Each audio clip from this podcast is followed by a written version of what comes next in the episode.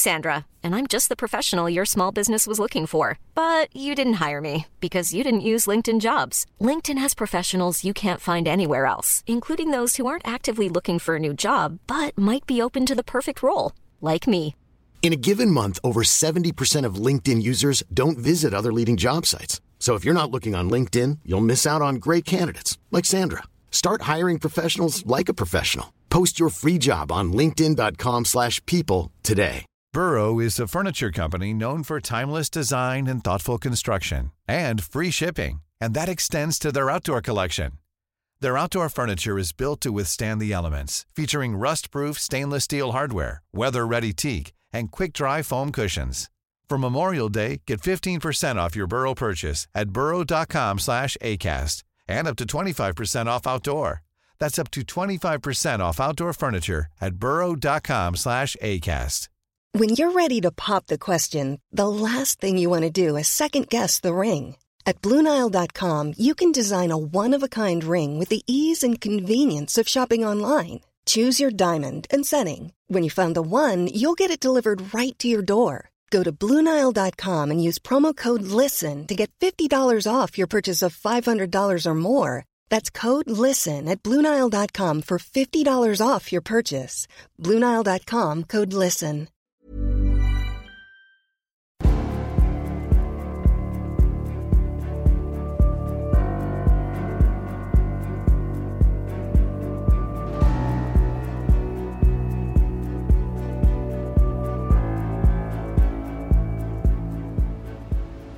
Du lyssnar på podcasten Samtal, en podcast med fokus på fria samtal. Jag heter Jannik Svensson och jag vill bjuda in dig till vår samtalsgrupp på Facebook. Länk till den hittar du på hemsidan www.samtal.ax. Jag blir också superglad om du vill vara med och hjälpa att stödja det här projektet. Det kan du göra på www.patreon.com samtal eller genom att swisha mig på nummer 070-3522 472. Länkar och nummer hittar du på hemsidan www.samtal.ax. Jag släpper nya samtal varje onsdag året runt och tar tacksamt emot tips ifall det finns någon du vill höra i podden.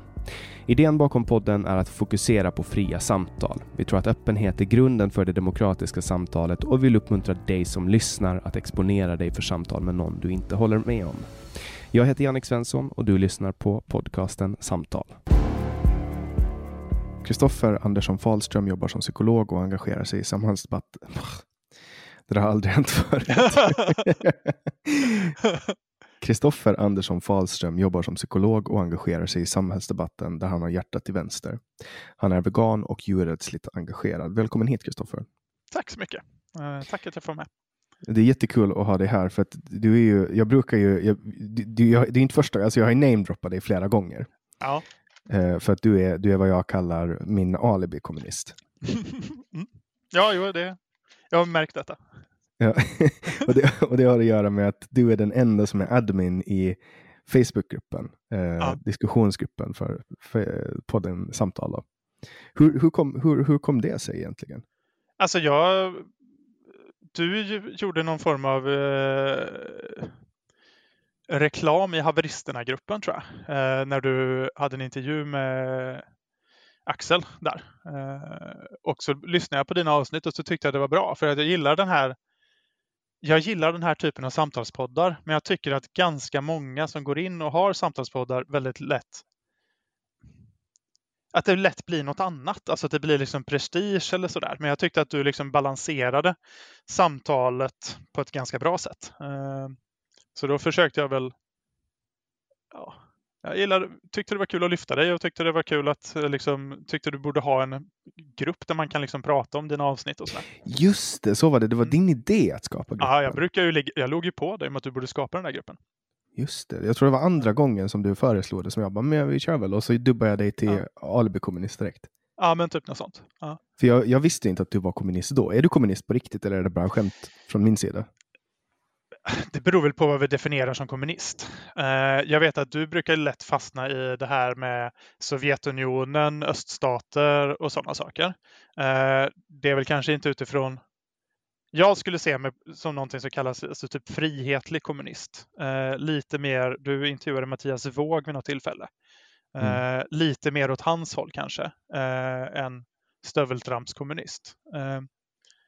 För min del handlar det, för mig handlar det väldigt mycket om vart liksom min politiska kompass finns, vart den pekar och där tycker, vill jag göra saker och ting som liksom gör det bättre för arbetarklassen som är den klass jag ändå känner att jag kommer ifrån. Eh, även om jag har liksom inte, inte är där längre med tanke på högre utbildning och skit. Liksom. Mm. Eh, Men tror du på en, en revolution då?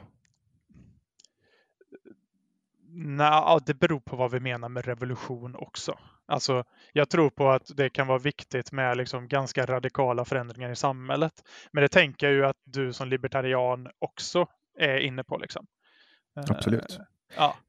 Men det, skillnaden tror... är ju att, att alltså mellan din och min ideologi egentligen. För att din ideologi ryms inom ramen för min, vilken ideologi den har. Ja, fast in... jag, där, där, tänker jag att det faktiskt kan gå åt andra hållet också. Uh, ja, men alltså för det viktiga i min ideologi är ju liksom hur vi koncentrerar makten i samhället. Uh, och jag vill ju någonstans att liksom, människor ska ha makt över sitt eget liv och det tänker jag ju är liksom målet för dig också. Ja. Eh, att liksom öka liksom till liksom människors makt över sitt eget liv. Sen har vi lite olika tankar om hur vi tar oss dit och liksom vad det innebär rent konkret. Eh, jag vill ju gärna se till exempel alltså mer kooperativt ägande av liksom arbetsplatser eller att man liksom, att men, ett, ett, problem i dagens kapitalistiska samhälle skulle jag säga är att vi alieneras från vår produkt eller vår, liksom, det vi skapar i vårt arbete. Eh, och där vill jag ju att människor ska liksom få mer kontroll över det de gör till vardags. Det tänker jag att det är kanske inte en förklaring som ligger så jätte, eller ett mål som ligger så jättelångt bort från hur du vill ha det också. Gissar jag. Alltså jag tänker ju att så du och jag får ju starta ett företag tillsammans. Ja. Och då jag... äger, ju, då äger ja. ju du, och då är ju vårt intresse att ha det bra. Tänk om man, om man helt plötsligt skulle tilldela alla som jobbar på Postnord skulle få varsin andel aktier i Postnord ja. och så ska de styra tillsammans och så har du någon som är helt inkompetent i att styra båda. Det skulle gå åt mm. helvete. Ja, det skulle det. Uh, och hur man kommer dit och sådär. det, liksom, det får man väl se hur det går. Men alltså, det, det finns ju liksom olika sätt att distribuera makt i samhället och den, den, det sättet vi distribuerar makt idag är inte liksom alena rådande på något sätt. Uh, Sen, alltså, sen, och det här kommer ju, tänker jag, det här viktiga med alltså din samtalspodd in. För det är ju liksom i när idéer möts som vi liksom skaver bort de dåliga idéerna någonstans. Mm. Alltså det, det är ju liksom kärnan i det, tänker jag. Uh, för det, alltså, jag är helt övertygad om att det finns massa dumheter även i det. Om vi liksom skiter i hur folk på högern porträtterar kommunism nu och vi bara tänker på hur vi, liksom, vi inom vänstern eller vi som kanske ser oss som kommunister, hur vi tänker kring kommunism. Eh, eller vilken ideologi den må vara. Liksom. Så finns det fortfarande massa dumheter i det vi tänker på samma sätt som det finns massa dumheter i det liksom, högersidan tänker. Och liksom möts idéer och så skaver man ju liksom sakteliga bort dumheterna. Eh, mm. Så Men sen finns det ju saker som, det finns ju saker som aldrig försvinner från mm. vänstern som jag ser det. Som till exempel här, här veckan så hade jag ett samtal med Monica Roll. Lyssnade du på det? Mm. Uh, har inte kommit dit än. Uh, mm. Jag har haft Men det, hon, hon, hon är då med i Vänsterpartiet och hon till exempel hon menar ju som att Lafferkurvan som förklaringsmodell som förklarar hur människor beter sig eh, med skatter och sånt. Att om man höjer mm. skatterna så börjar folk bli mindre benägna att betala och sånt. Eh, hon vill liksom inte att, alltså så här, hon är inte beredd att ta in att det är en verklighet. Medan Nej. högern eh, och jag är helt övertygad om att det är en verklighet och där, går, mm. där kunde inte jag och hon förhandla. Det gick Nej. liksom inte. Men det finns säkert andra områden där ni kan förhandla. Mm. Men en av oss har ju rätt. Förstår du? Ja, kanske. Eller så har ni båda fel i varierande utsträckning. Ja, så kan det också mm. vara. Absolut. Men jag, jag, kan ju tänka mig att du vet, nu, nu säger vi hypotetiskt sett då att du och jag tjänar båda 30 000 kronor före skatt. Mm. Och, och så vet vi så att ja, vi skulle kunna tjäna 35 000 kronor. Mm. Men då vet vi att om vi jobbar extra, vi kommer att behöva jobba skitmycket för de där 5 000 extra.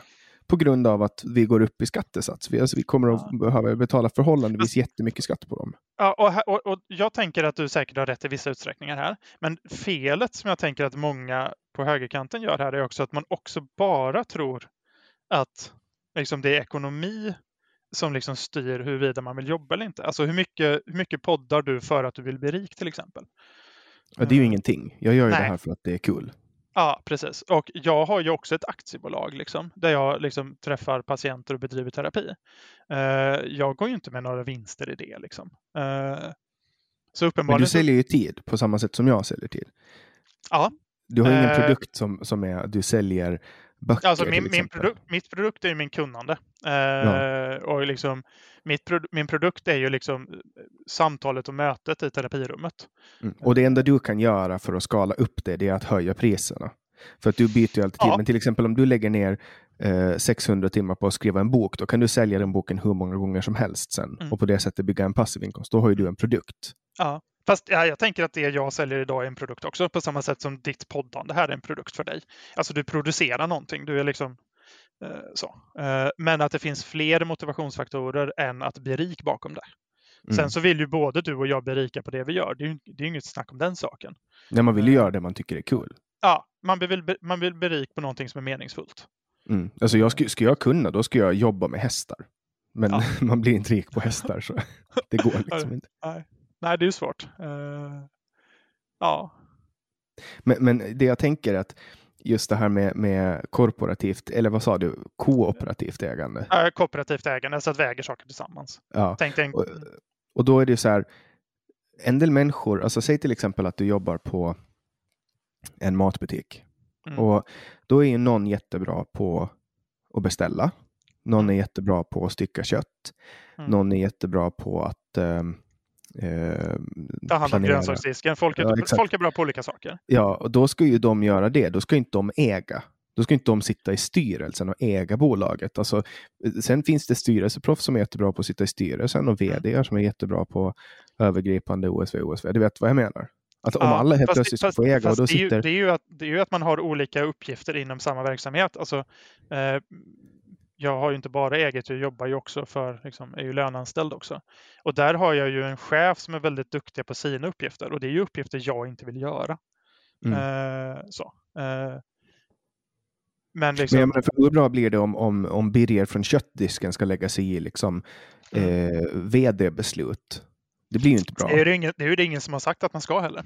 Nej, det, det, är sant. Men jag utgår ifrån att om det är ett korporativt ja. ägande, nej, kooperativt, korporativt är något helt annat, kooperativt ja. ägande, då ska ju alla ha sin säg i saken. Liksom. Då ska man ju driva någon form av demokratiska principer. Ja, fast en sak kan ju vara att välja personer som ska vara den som fattar beslut i styrelsen. Det är ju inte liksom, alltså en förening till exempel. Alla sitter ju inte nödvändigtvis med och bestämmer alla, alla beslut dagligen. Liksom. Uh, så det, det, kan man ju hitta former för, uh, tänker jag. Men är det inte bättre om de, att man får köpa aktier i de bolag man är, vill köpa i? Liksom? För köper du tillräckligt många aktier, då får du till sist en styrelsepost. Ja, fast där, där sitter, alltså, alla har inte riktigt samma förutsättningar att köpa aktier från början. Det är ju där, det är, och det är ju där liksom, alltså, den här vänsterövertygelsen brukar komma, eh, tänker jag, för folk. Liksom. Alltså att, men man kan ju den, välja att inte ta en öl. Nej, men alltså, den liberala övertygelsen är ju att alla ska ha liksom samma förutsättningar och liksom lyckas i livet på olika sätt. Förstår jag dig rätt då? Ja, det ska jag säga. Ja, ja. Bara det att vi alla föds med olika förutsättningar. Och då är det inte bara alltså, olika förutsättningar i form av genet genetisk bemärkelse, att vi liksom har anlag för olika saker eller olika smarta, utan vi föds i olika familjer och har olika förutsättningar kopplat till det. Um,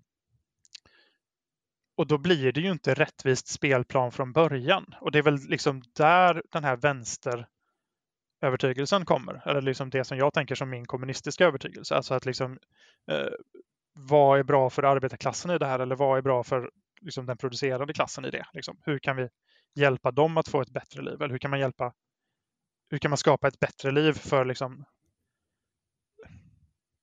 de lägre skikten i samhället? Hänger du med på hur jag tänker? Ja, men, men jag tänker ju typ så här, jag har ju inte okej nu kommer jag från, alltså, nu kommer jag från Åland och alla som kommer Mm. från Åland har det rätt Mm. bra. Det, det måste jag ändå Mm. säga. Men jag menar, Mm. jag kommer från en arbetarfamilj. Min mamma och pappa har arbetaryrken. Jag har en medfödd sjukdom, en kronisk sjukdom som, som är en av världens farligaste sjukdomar, bipolär sjukdom. Och jag har Mm. basically en dödsdom som säger att det, det är i princip större sannolikhet att jag dör för jag är 40 än att jag överlever 40 och sådana saker. Så jag har ju haft mycket emot mig. Du vet, jag har Mm. någon form av uppmärksamhetsstörning, någon form av ADD, jag har dyskalkyli Ja. och det är, ett- jag har mycket svårt med matte och sådana saker att ta mig fram. Jag, har, jag är 27 år och jag har fortfarande ingen, ingen gymnasiebetyg och sånt. Men, men, men jag krediterar att jag har ändå klarat mig i livet är att jag har en vilja att fortsätta och att jag inte låter andra slå ner på mig. Nej. Eh, att jag liksom fortsätter ändå. Och folk pratar ofta, jag hör han här Hultqvist eller vad han heter, nej, Damberg, Mikael Damberg hörde jag prata på Mm. SVT om, om att folk känner, känner hopplöshet och sånt. Mm. Eh, Och jag tror att man väljer om man vill känna att det är hopplöst eller inte. För jag Det- tror att alla där- kan. Där, där har människor olika temperament och olika förutsättningar också, precis som med det mesta andra. Men eh, eh, det, är väl klar, Men- alltså, det är väl skönt att det har lyckats ganska bra för dig eh, på olika sätt. Eh, och det jag vill är ju att fler, liksom fler ska ha de förutsättningarna på något sätt att lyckas här i livet, att, göra, att skapa lycka för sig själva. Eh, Alltså, jag tror ju typ att om du skulle ge dig fan på att du ska lära dig franska. Hur, Mm. hur, hur gammal är du idag? eh, 39. Du är 39 Mm. och, och du bestämmer dig för att nu ska jag lära mig franska. Jag kan nästan garantera dig att om du bestämmer dig för att göra det när du är 50, då kan du resa runt i Frankrike och hålla föreläsningar och skriva böcker. Bara Mm. du bestämmer dig för att göra det. Och jag tror att alla har det här inneboende att de kan göra det.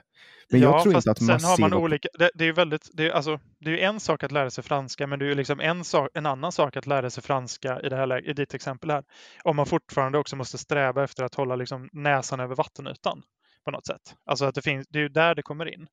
Och jag tänker mig att, alltså du, du pratar om att folk som kommer från Åland har det ganska bra. Och jag tänker mig att folk i Sverige generellt sett har det ganska bra. Alltså vi har ju att det lyckas, att folk lyckas bra i Sverige har, är ju mycket liksom sossarnas förtjänst, tänker jag. Eh, alltså för att man har liksom sagt, siktat på det här liksom jämställda samhället med liksom mer omfördelningspolitik. Så att liksom skapa bottenplattan i samhället på något sätt.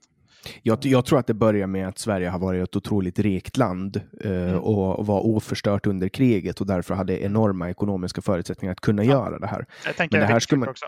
Ja, men det här skulle man inte kunna ha gjort om man inte eh, kohandlade jättemycket med Hitler, om, om man inte var jättebra polare med Tredje riket och, Mm. och, och gjorde vissa uppoffringar i att du vet, man släppte inte in judar och ariseringen och så vidare. Så att Ja. det har ju kommit till ett pris.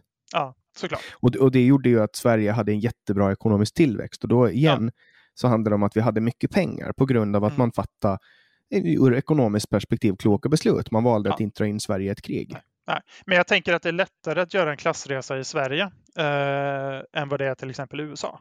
Även om liksom den amerikanska drömmen gärna lyfter fram liksom någon form av klassreseperspektiv så är det fortfarande lättare för oss i Sverige att göra eh, klassresor än vad det är i USA där man kanske behöver ha liksom två eller tre jobb för att överhuvudtaget kunna betala hyran.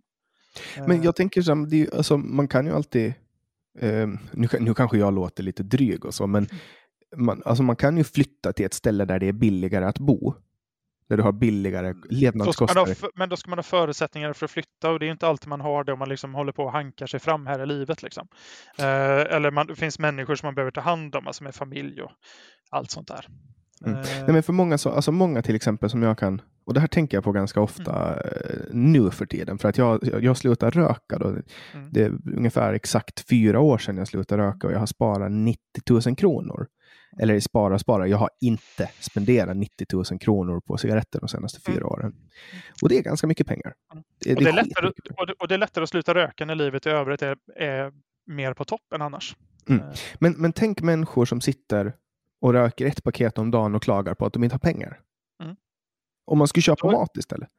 Fast då är det, alltså, och det här är ju ett substansberoende. Eh, och det är, ju, det är ju svårt för människor att sluta med substansberoenden. Eh, Visst är det det, det är ju skitsvårt. ja. Jag har själv slutat med allt. Ja, Jag har jag, vet det. Eh, Och det är, så, det är ju bara jävlar anamma i mig. och Mm. hjälp av människor som, alltså jag har lyssnat på människor som har gjort det innan mig. Mm. Och, och, för- kunna göra och, det. och förutsättningar. Alltså det finns ju massa olika saker, alltså massa fak- faktorer som är med och spelar in här. Dels så är det ju alltså ett, en egen inre motivation som du är inne på. Alltså det är en jätteviktig faktor för förändring, alltså din egen motivation. Eh, men det är också liksom så här om man tror på förändringsprocesser och alltså om du liksom kanske får stöttning och hjälp av någon annan som du litar på. Men även liksom andra faktorer runt dig, alltså som jag har också slutat röka vid tillfälle och det är ju ofantligt mycket lättare att sluta röka eh, när relationen fungerar, när ens relationer fungerar bra, när jobbet liksom är på lagernivå och stressigt och man inte behöver gå och oroa sig för massa saker. Då är det ju lättare att sluta med det. Eh,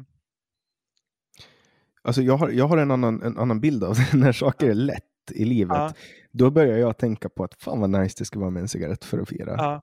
det är typ Ja. lite Jo, så. jo, Men, och, och, och, och, och, det, och det vet man också. Alltså att en, eh, för återfall, framförallt till alkohol till exempel, så är det ju liksom en, en väldigt stark positiv förändring är ju lika mycket riskfaktor som en stark negativ förändring. mm. Eh, Det är förändringar helt enkelt som är risken. ja, alltså när det är liksom stora grejer där. Men om du ska sluta med någonting som är jobbigt eh, så är det mycket lättare att sluta när livet i övrigt fungerar ganska bra. Mm. Eh, Alltså sluta med substansberoende på det här sättet. För alltså, vilken funktion fyller cigaretten eller för den delen alkoholen för många? Alltså det är ju många gånger kanske en tröst eller liksom någonting som hjälper en att stå ut med dagen lite där man är just nu. Ja, det är, en, det är ångestdämpande. Jag använder ju Ja. alkohol till att dämpa ångest. Ja. Men, men till exempel när, när jag slutade dricka, jag drack ju nästan dagligen och, och slutade för fyra år sedan. Eh, och jag definierar mig själv som, som alkoholist. Mm. Eh, och det gör min läkare också. Och min läkare föreslår så här, om du vill så, så kan du få bli sjukskriven nu Mm. under den här perioden. Liksom. Jag hade bestämt mig för att sluta dricka. Men jag vill inte bli det. Varför ska jag bli sjukskriven och gå hemma och, och ha eh, 24 timmar om dygnet på mig och tänka på att jag saknar alkohol? Det jag gjorde istället var att jag skaffade ett jobb Mm. eh, i Stockholm. Ett riktigt jävla, alltså ett riktigt jävla skitjobb. Där jag ringde och krängde saker till människor som folk inte ville ha. Och jobbade som säljare liksom, och, och gjorde rätt för mig och tänk, tänkte liksom, alltså, Ja. jobba, dö- dök ner i jobb istället. Ja. Um, alltså, jag, tror, jag tror att de sakerna, eh, alltså att kunna lösa problem, jag, eller jag vet att människor har en inneboende styrka, att man kan plocka fram det. Men, men jag tror inte att de här massiva jobbskaparprogrammen eller vi ska inspirera människor till att börja företaga, de här sakerna biter inte på folk. Det enda som biter är verkligheten och när verkligheten biter tillräckligt hårt, då kommer motivationen. Alltså jag satt i en, i en lägenhet i Midsommarkransen, hade inte Mm. råd att betala hyra. Livet var så jävla dåligt på alla sätt och jag, jag, jag satt och funderade på, ska jag fortsätta kämpa eller ska jag ta livet av mig? Och jag Och- kände och här- att jag fortsätter Och, kämpa. och, det var, och det var jätteskönt att du fortsätter kämpa. Eh, men här är du också inne på, alltså det där är ju liksom någon form av anekdotisk bevisföring. För det är klart att det finns enskilda personer där det, man sitter där liksom på eh, ruinens brant någonstans och funderar på vad ska jag göra och sen väljer man det bra. Men för varje sån person så kanske det finns tio som ramlar över. Eh, Jo, men det må vara anekdotiskt, men, men det är också empiriskt ur det perspektivet att jag har försökt ta emot hjälp från alkohol och drogmottagningen, från psykiatrin, från primärvården, Mm. eh, från eh, olika former av religiösa... Jag till och med gick till, till, och med gick till kyrkan och var så här, men hjälp mig. Du, med, Alltså- du går väl till AA, som, om jag inte minns helt fel också? Ja, det gör jag. Mm. Och det är det enda som har funkat. Och det är ju för att det är andra alkoholister, precis som jag. Lika Ja. Ja. envisa och, och, och korka, alltså en, inte kork, men alltså mm, det står i, i Anonyma Narkomaners bok för första gången nämnt så står det att definitionen av eh, vansinne är att göra samma sak om och om igen och förvänta sig olika resultat. Av någon anledning så brukar folk tillskriva det här citatet olika människor, eh, typ Nelson Mandela eller Mahatma Gandhi, men det är första gången skrivet då i, i den här boken.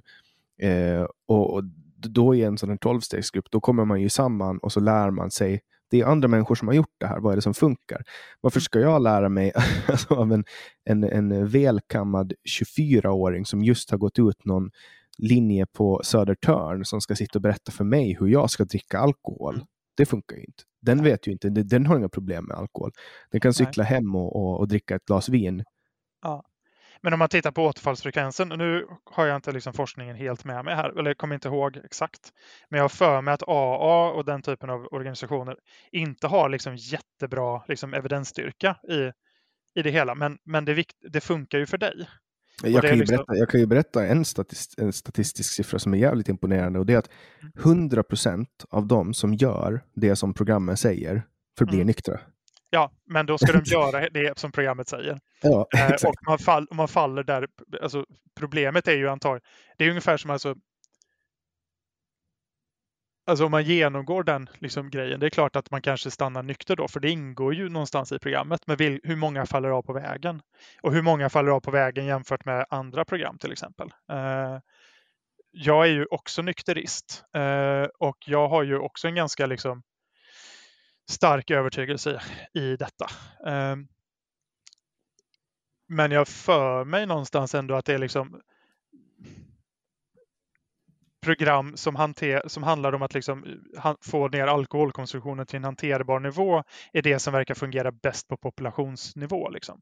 Ja, uh, men sen funkar sen, sen det är ju allt, varje alkoholist är ju ett tragiskt livsöde och du kan aldrig, ja. du kan aldrig ta en kronisk alkoholist som är allergisk, basically allergisk för mm. alkohol och mm. få, det är ungefär som att jag är allergisk för råa tomater. Jag mm. kommer inte att kunna äta lite råa tomater. Nej. lite nu och då, utan jag är allergisk och det är on eller off. Antingen så är man det eller så Ja, och för, vissa personer, och för vissa personer är det så. Och jag, jag funkar likadant. Alltså, jag måste också sluta med saker. Liksom. Eh, för jag kan inte, det, det, kan vara svårt att hålla det på liksom hanterbara nivåer annars. Liksom. Eh, men det gäller ju inte alla. Mm. Nej, jag, sen, sen är jag svartvit i alla aspekter av mitt liv. När jag börjar med någonting, då kör jag stenhårt. Aha. Jag tycker det är så coolt att, att, vi, alltså, att du är så positivt inställd till den här podden med tanke på att du är min raka motsats. Jag är höger, du är vänster. Jag äter bara kött, du äter bara grönsaker. eh, det är liksom, alltså, vi är ju egentligen två motsatser. Ja. Fast anledningen till att jag gillar din podd är ju för att jag tycker att du är ganska nyanserad i poddandet. Alltså samtalen du för med de gäster du haft blir väldigt ofta nyanserat. Uh, och det är ju mycket för att du också visar viktiga delar av dig själv i det. Uh, hänger du med på vad jag tänker? Ja, jag, jag, blir, jag, jag sitter och tar åt mig här. Jag tycker det är ja, bra. att höra. Därför, för att alltså, för du var ju ganska in, in, liksom influerad av Navid Modiri till exempel. Mm. Uh, och där har jag ju upplevt att man kanske många gånger jag upplever den podden som lite, alltså det finns lite mer prestige. Viktigt att liksom verk, liksom en annan, viktigt med framtoning på ett annat sätt än vad jag ser i din podd. Uh, där du, där du, liksom, där jag upplever att ditt intresse i poddandet är ju det genuina samtalet och att kanske förstå folk. Mm. Uh, på ett helt annat sätt. Och en del i att förstå folk är ju också att tala om för folk när de är dumma i huvudet. Alltså, hur tänker du nu? Jag fattar inte.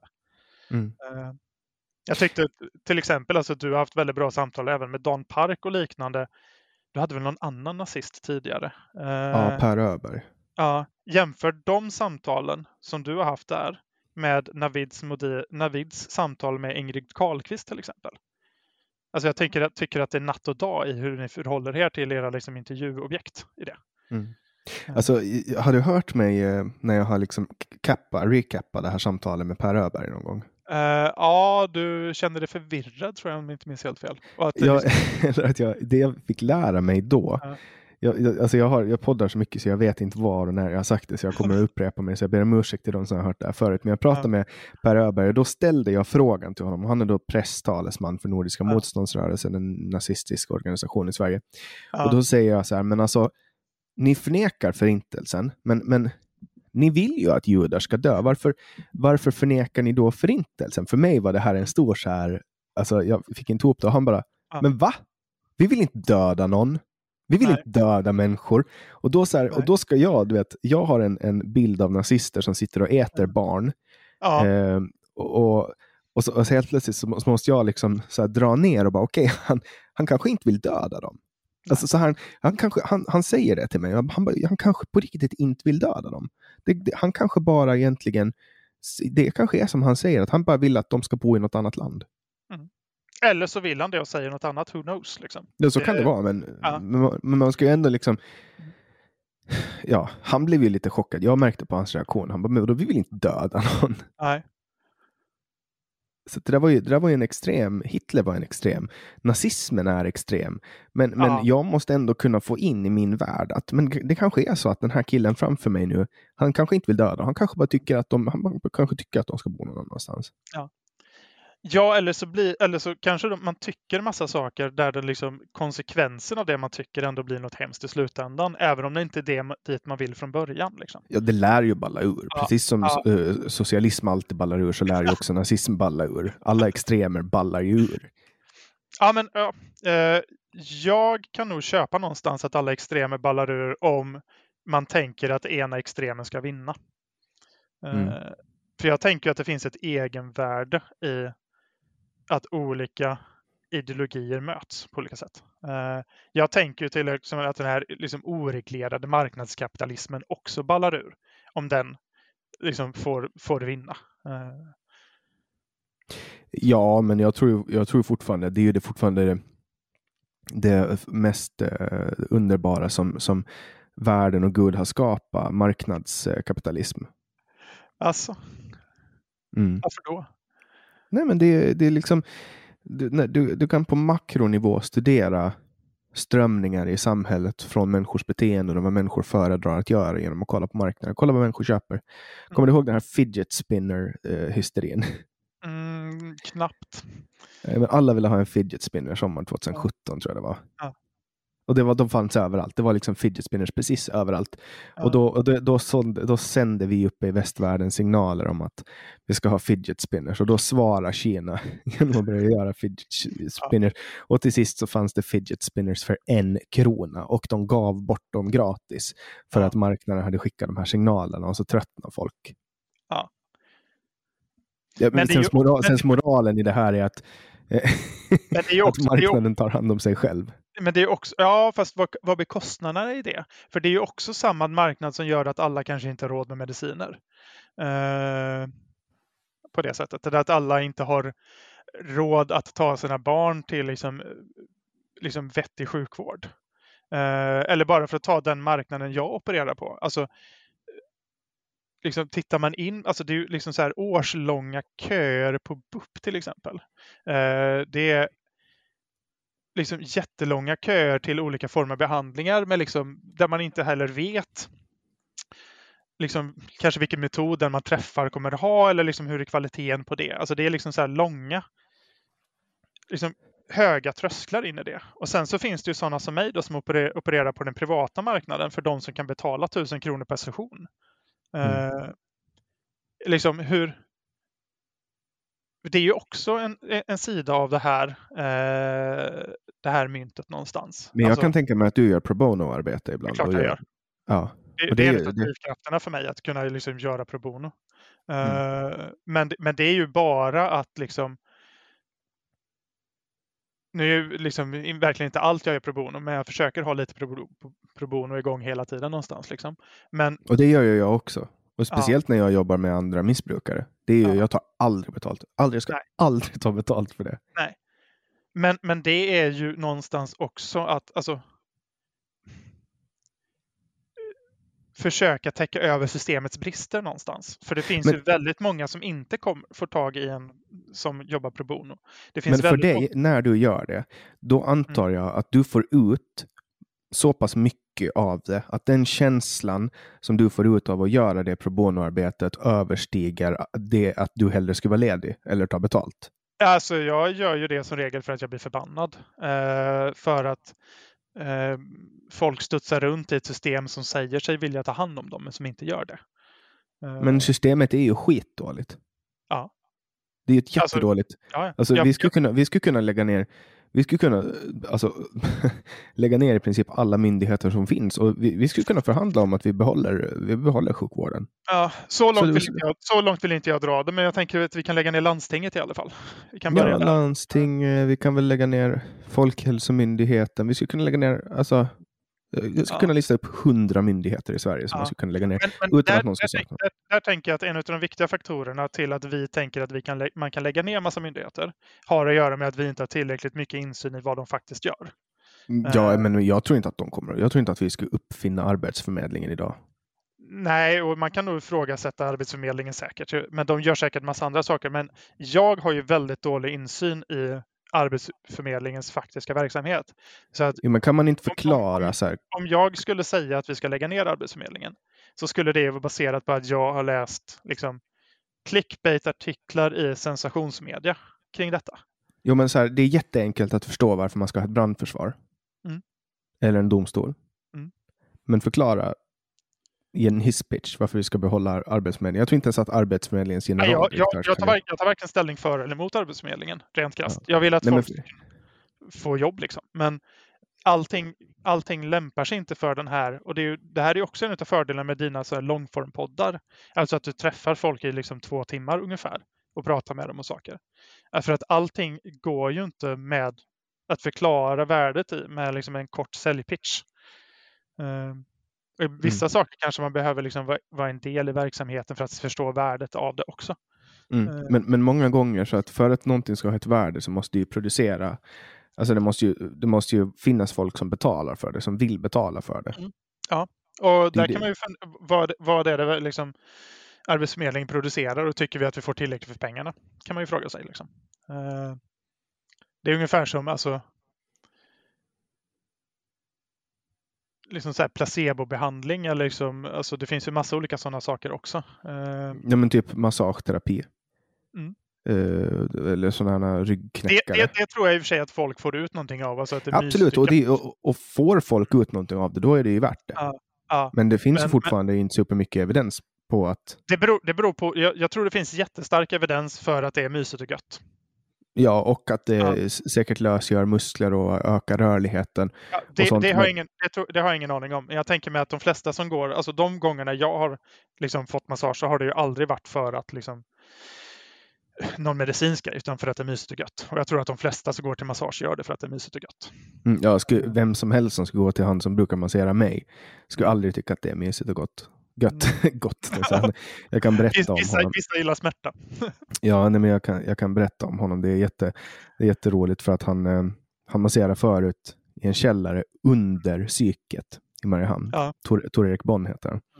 Och, och då när jag gick dit och masserade mig första gången så han är, han är jättekraftig. Alltså han är superkraftig. Före detta sjöbevakare, har hur mycket muskler som helst och kan ta i. Och så, så smörjer han in sina händer och så och han kommer från Finland. Så han, du får skrika hur mycket du vill, det är ändå ingen som hör, sa han. När han smörjer in sina händer. och då tog han i så att det verkligen kändes alltså. Så det låter lite homoerotiskt nästan. Nej, nej, nej, det fanns ingenting erotiskt i det där.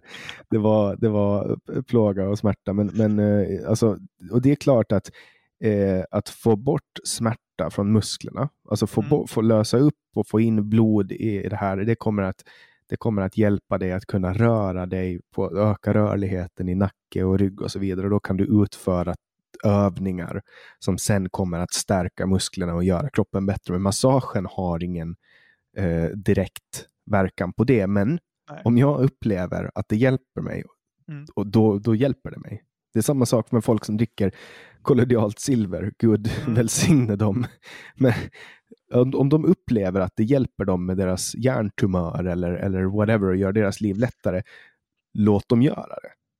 Mm, där tänker jag att det finns ett problem i att de lur, dras in i en marknad där man faktiskt använder deras desperation för att säl, sälja saker som är verkningslösa. Ja, eller det Eh, använder deras dumhet. Alltså om man ska Dess- jag, jag tror sällan att förklaringsmodeller här i världen är att folk är dumma. Eh, Det är att göra det för lätt för sig. Eh, Det tänker jag nog snarare att folk, alltså man lider av någonting och man är liksom desperat efter att få hjälp. Och sen så liksom prövar man massa olika saker.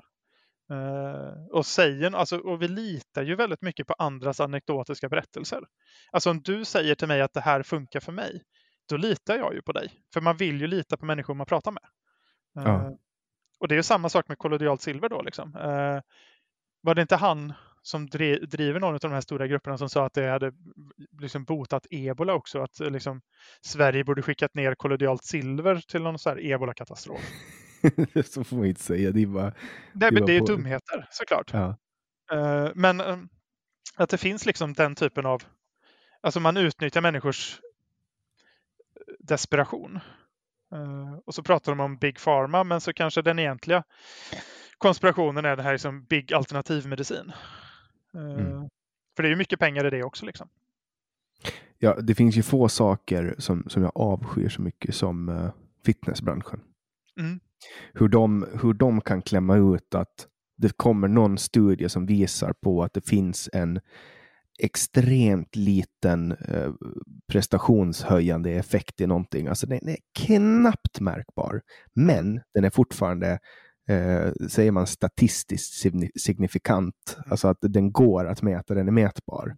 Och då mm. får man alltså säga att den ökar styrka eller prestation och då bara stora gula jävla bokstäver så här. Superpower boost will make your muscles perform better.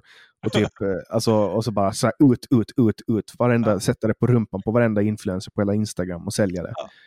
Alltså, ja, men det verkligen. är det värsta och, och, som då, finns. Ja, och då, alltså, någonting som jag tycker är viktigt i det där läget är ju liksom Alltså, jag kan ju prata om att saker och ting är statistiskt signifikanta i, liksom, inom min bransch. Men det viktiga är väl också om saker och ting är kliniskt signifikanta. Alltså att det får tillräckligt stor effekt för att man ska märka det också. Eller för att det ska göra nytta. Mm. Uh, ja, sen kan, det ju vara, sen kan det också vara kliniskt signifikant att till exempel du tar den här och den här vitaminen men sen liksom försummar du det genom att sova för dåligt. Eller stressa på som vanligt. Alltså jag tänker till exempel på människor som eh, metabolt syndrom till exempel, förstadie till diabetes. Mm. Man, man, man kanske eh, börjar träna men man slutar inte äta socker när det mm. lättaste är att sluta äta socker. Mm. Men man väljer att göra det som är också förvisso väldigt, väldigt bra att träna, men man ska kunna göra det så lätt för sig. Mm. Ja, nu är det väl inte lätt att sluta äta socker kan jag tänka mig. Men, Nej, det är det inte. Det som, det är också sockerberoende. Det har, det har, du också pratat om i poddarna tror jag, om jag inte minns helt fel. Ja, shit, alltså. Uh, och jag det... har ju ätstörningar deluxe alltså. Ja, och, hur, alltså, och, och det är ju inte lätt per automatik. Uh, alltså hade, hade liksom livsstilsförändringar varit lätt, då hade jag varit arbetslös. Uh. Det hade liksom, alltså, hade liksom så förändringar av Liksom hade man lätt kunnat förändra saker i livet så hade vi inte behövt psykologer. Utan då hade, då hade ju räckt med liksom en fin pamflett som säger så här bör du leva. Och så hade folk gått ut och gjort det. Mm. Uh, men det är liksom ja, men inlärningshistoria och saker och ting som vi har gjort som liksom blivit förstärkt genom åren och sen kanske liksom om vi tänker på alkoholen till exempel. Alltså dels så har du det här liksom rent fysiska beroendet. Men det är ju också det här att säga att man dricker alkohol för att lindra sin ångest. Alltså när ångesten kommer tillbaka och man inte har några andra strategier att liksom använda för att lindra sin ångest, då är det väldigt lätt hänt att man faller tillbaka i de gamla mönstren igen. Mm. Och liksom, när, när jag träffar patienter då, så alltså jag jobbar ju väldigt sällan på överskotten, vilket betyder att jag jobbar väldigt sällan på att försöka minska det man gör för mycket av. Utan det är snarare att försöka jobba på underskotten, alltså att göra mer av det man borde göra istället.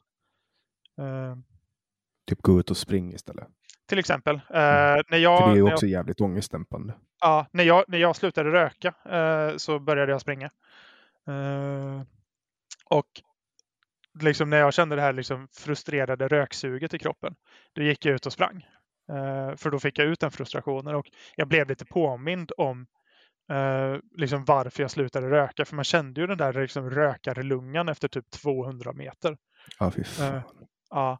Eller springa du... när man var en rökare. Alltså. Ja, gud ja. Alltså, innan vi snackade idag så var jag ute och sprang. jag har suttit och föreläst hela dagen. Liksom. Så när jag, nu när vi har de här föreläsningarna på Zoom, då är det så här. Jag tror jag hade 771 steg klockan fyra. Uh, för att jag suttit framför en dator hela dagen. Liksom. Uh, mm. Så då var jag ute och sprang. Och då, I och med att vi skulle ha det här så sprang jag, liksom, det blev en kort vända. Så det blev typ så här fyra kilometer och det gör jag med lätthet idag. Ja, uh, det är fan imponerande. Alltså. Det var länge sedan jag kunde springa det. Ja. Min, min Apple Watch tror att jag har varit ute och sprungit, för jag var ute och körde häst två gånger idag. Och då, då hoppar man så att den, den tror liksom att man har, att man har Det går tränat. till lagom takt för att de ska tro att det är eh, löpning. Ja, Fast det är säger, mycket träning. eh, alltså jag sitter ju i en vagn och kör hästen. Ah, okej. Mm. Och det är, ju, det är ju klart att man sitter och sträcker ryggen och så drar lite i tömmarna, men man blir ju ingen, man blir ju ingen eh, hunk av det. Men den säger, min klocka säger i alla fall att jag har varit aktiv i 46 Ja. minuter, men jag vet att jag inte har varit det. Nej, det är hästen som varit det. ja, Ja. exakt. Nej, men, men kontentan här är i alla fall att liksom, det man ofta behöver hjälp med är att göra mer av det man gör för lite av. Och att det i sin tur tar ut det man kanske gör för mycket av. Eh, att man hittar liksom andra strategier man kan använda istället för att hantera ångesten. Mm. Eh, Men motivationen, det är ju det som är för till exempel om man ska bli nykter, som, som jag Mm. blev för fyra år sedan. Min motivation var ju att mitt liv, ingenting funkar i mitt liv. Allt var åt helvete. Mm. Och, då, och då var det snarare att jag flyttade mig bort från smärtan. Mm. Men, men det var inte att jag gick mot befrielse som var ehm, min motivator, utan jag, jag flydde från någonting jobbigt. Mm. Men hur ska man hitta motivation för livsstilsförändringar? ja, för det- alla, alla kan ju själv förverkliga sig, bara man hittar motivation. Ja, alltså snarare hur, hur skulle man bete sig om man hade motivation eller sådär. Jag vet inte. Alltså det där är ju, det där är ju svårt någonstans. Eh, det finns ju massa faktorer som påverkar motivationen, tänker jag. Eh. Men du är psykolog, du får betalt för att svara på de här frågorna. Vad säger du till en klient som säger att "Ja, men jag måste ha motivation? Hur får jag motivation? Ja, vad skulle jag säga då? Jag vet inte, jag har nog aldrig riktigt fått... Ja, alltså de flesta som kommer till mig har ju motivation, i och med annars hade de inte ringt mig. Liksom. Ja jävlar, det är sant. Alltså, det, det, så här, jag, jag får ju väldigt mycket gratis. Alltså, för när man söker sig, och det, det här tänker jag gäller ju liksom din erfarenhet med AA också. Alltså när du väl har tagit dig till AA, eller när någon ringer mig eller bokar tid hos en psykolog, då finns ju motivationen redan där från början. Alltså Mm. man, man har gjort Ja. väldigt mycket, tagit väldigt stora steg. Sen så kanske man behöver hjälp och guidning i liksom det. Ja, för det där är ungefär som att fråga en polis om missbrukare. du kommer inte att hitta en enda polis i uniform som har så här bra erfarenheter av missbrukare, utan de får ju se det värsta. Ja, De, de får ju se det absolut värsta och då Ja. kommer ju säga nej det är hemskt och det är misär och tänk på barnen och hit och dit. Så Ja. det är ju, och så ser, missar de ju alla de här villa-missbrukarna. För de ser de ju inte. ja eller, eller deras bara... kollegor. Liksom.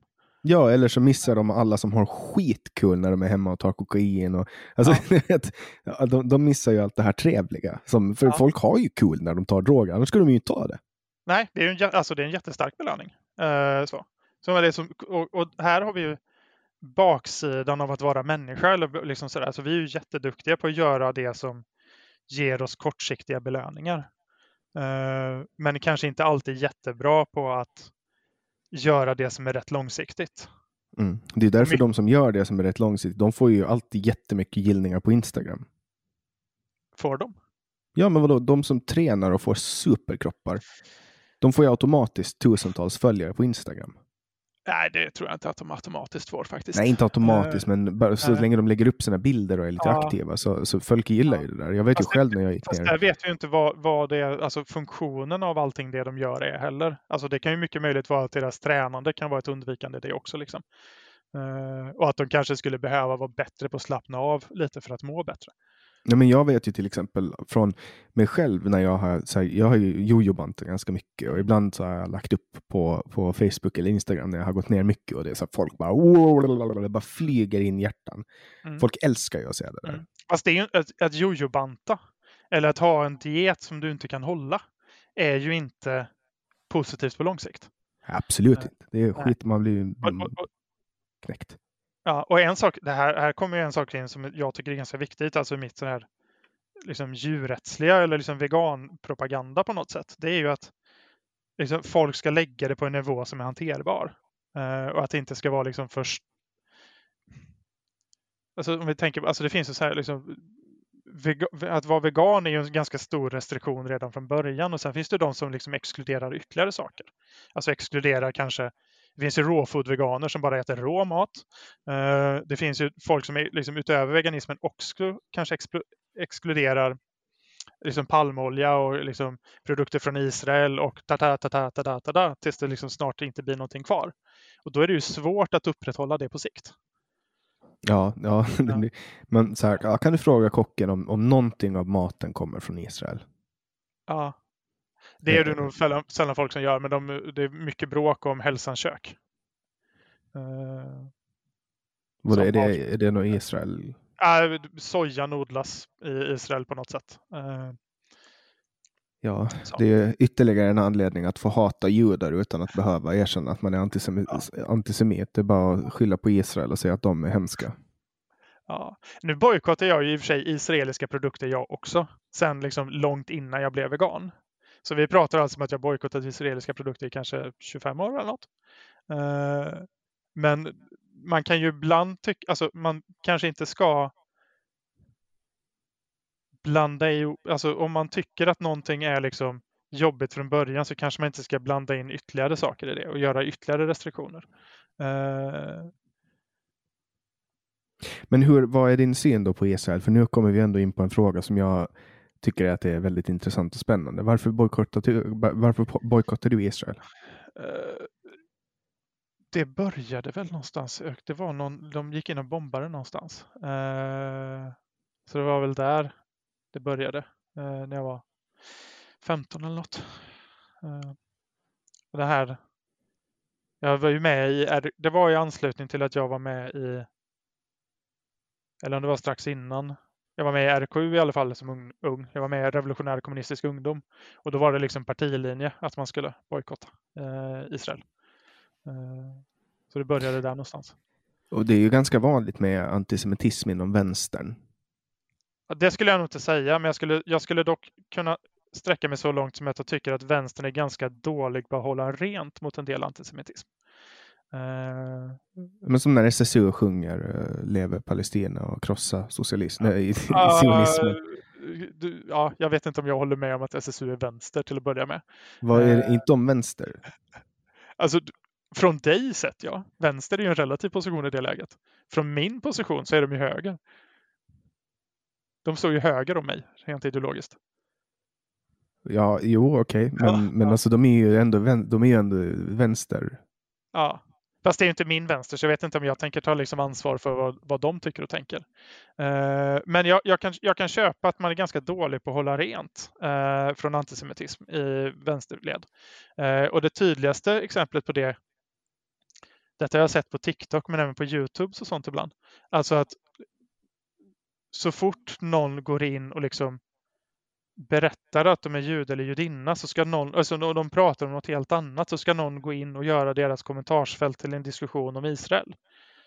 Uh, utan att de ens har bjudit in till det. Det tänker jag är en sån här antisemitism som kanske vi behöver hålla rent ifrån. Uh. Ja, alltså Israel är ju ett land dit alla judar får åka. Det är deras land. Mm. Det är ju judarnas och, och, andra människor, och, andra människor, har fördrivits ifrån det, som, där det var deras land. Liksom. Så att det finns, och de beter sig, alltså hur man beter sig i liksom, bosättningar och sådana saker. Alltså det finns ju, det finns ju även många liksom, alltså, i Israel som är kritiska till Israels politik på olika sätt. Uh, ja, alltså, det finns det ju ja. alltid. Och sen ja. finns det ju, alltså, jag menar, man brukar ju inte heller lyfta fram en så nyanserad bild av den här konflikten Israel-Palestina när man pratar Nej. om den. Men, men jag menar, folk i Palestina, de får ju åka till Israel om de vill jobba. De får ju komma in hur de vill i landet.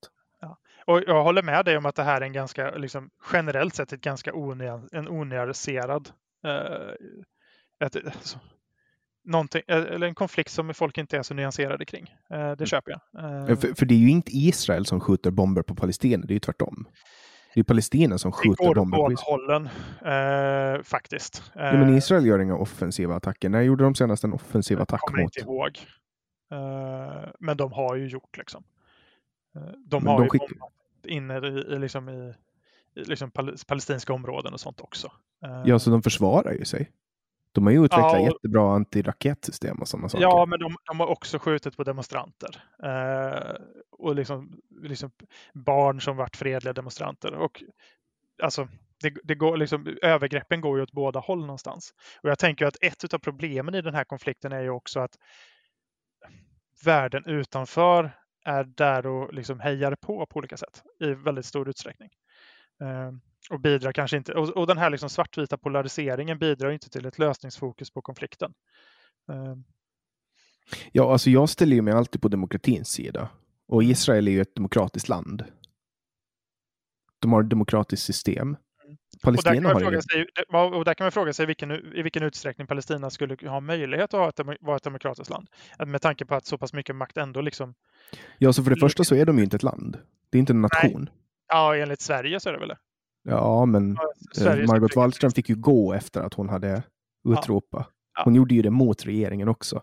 Ja. Och sen skickar man hem ambassadörer och, och blev ovän med nästan hela araber. Men, men, det är en ganska skitig konflikt. Så kan vi ju liksom, och, och den är väldigt affektladdad eh, på alla sidor också. Eh, så, ja, alltså, folk... Jag blir ju till och med, jag blir till och med lite uppeldad. Ja. så. Det är så eh. konstigt att vi här uppe bara sitter och är arga på varandra över Israel-Palestina-konflikten. Mm. Det, det, ja, och, och, en annan viktig faktor i detta är ju att kanske fundera lite på hur Sverige kanske har hanterat sin ursprungsbefolkning. Eh, vi är ganska snabba på att eh, fördöma andra, men sen så liksom är vi inte så där noga med att tänka på liksom hur vi behandlat den liksom samiska ursprungsbefolkningen här i Sverige till exempel. Mm. Eh. Men det är väl... Ja, och sen... sen Nej, det här, jo, men alltså att man låtsas till exempel hela den här, alltså det som jag, alltså jag stör mig så mycket på det här, och jag stör mig på båda sidor så jävla mycket, alltså Sverigedemokraterna och Socialdemokraterna. Båda de har lik i garderoben. Det har Centerpartiet också. Alla, alltså, de, de, de, har så här, de har så fruktansvärda historier. Alltså, Gunnar och Alva Myrdal till exempel. Och deras jävla grejer om att de skulle de ville ju, de ville ju ha ihjäl, alltså steril, tvångssterilisera alltså utvecklingsstörda och sådana saker. Och det var moderna tankar. Alltså så här, när Stefan Löfven gick med i Socialdemokraterna så var de aktiva. Och så, alltså, och, och eller, när man forsk, eller man forskar på folk genom att ge dem för mycket liksom, godis och sötningsmedel för att se hur snabbt tänder ska gå sönder. Ja, Vipeholm-experimenten och sånt. Ja, det, här, det här är liksom socialdemokratiska hitta på grejer ja. påhitt som, som ja. de har gjort och utfört. Och som, som, eh, som Socialdemokraterna idag, att, här, ingen tvingar dem att ta avstånd från det. Men, men de, Socialdemokraterna tvingar Sverigedemokraterna att ta avstånd från sin historia. Ja, och alla tvingar Vänsterpartiet att ta avstånd från sin historia. Exakt, och, och då är det så här, och sen Centerpartiet, det blir aldrig prat om Centerpartiet här, fast Centerpartiet har varit med. De, de var ju riktigt fond av Hitler och var så här, ja men det var bra ja. grejer. Ja, Federley alltså, gav väl dem lite prat i och för sig. Så att... Jo, men hur mycket, hur mycket påverkar det opinionen? Ja. Liksom? Om man bara låtsas som att allting är okej, okay, så är det ju okej. Okay. Det har ju den här regeringen bevisat. Eh, men här, men, men... Här, här, är du inne på någonting som, jag, gör, som gör att jag är ganska ointresserad av liksom den här organiserade politiska arbetet, eh, alltså i partipolitiken och sådana saker. Det är ju för att det väldigt ofta blir den där typen av prestigefrågor, prestigekonflikter där man snarare försöker liksom sätta dit varandra än att liksom försöka hitta Alltså se vart det är man kan mötas på olika sätt. Det är ju det som Donald Trump har avskaffat. Han har ju avskaffat statsmannaskapet i, inom politik. Mm, det var väl avskaffat långt innan honom, eller? Nej, men han skulle, han, alltså, han skulle lätt kunna rapa på en, på en presskonferens eller klia sig på pungen. Ja. Alltså, det, det skulle aldrig Bush eller Obama ha gjort. Nej. nej. Och, och Obama var ju, han tände ju på gränsen när han skojade och du, han var med Jimmy Fallon och gjorde grejer ja. och, och, och, han berättade att han hade rökt cannabis när han var ung. Han liksom tände på gränsen och sen kommer liksom den här jävla clowncirkusen runt Trump och bara... Alltså, men det beror ju mycket på att fokuset ligger på de här liksom ytan, ytan i det här, alltså i det politiska samtalet snarare än innehållet. Jag tycker det är så jävla skönt. Alltså som till exempel när jag på, på Åland och droppade att jag ville lägga ner public service och folk blev så jävla skitnödiga. Det, är typ det, det är typ det roligaste jag har gjort i hela mitt liv. Hela den, de veckorna efter att jag har gjort det. Folk var helt bara så här, det fanns inte i deras värld. Nej. Och Jag tycker att mera sånt i politiken, liksom, gå in och bort, ta, ta, bort de här jävla, att man ska vara så korrekt och, och liksom vara på ett visst sätt. För att det här är, det här är liksom en ormisk eh, grej som har liksom slingrat sig fram från att folk tänjer på gränserna för vad man får göra och hur man kan bete sig. Det och tror jag i och för sig är lite av Sverigedemokraternas framgångssaga också, att de är där och tänjer.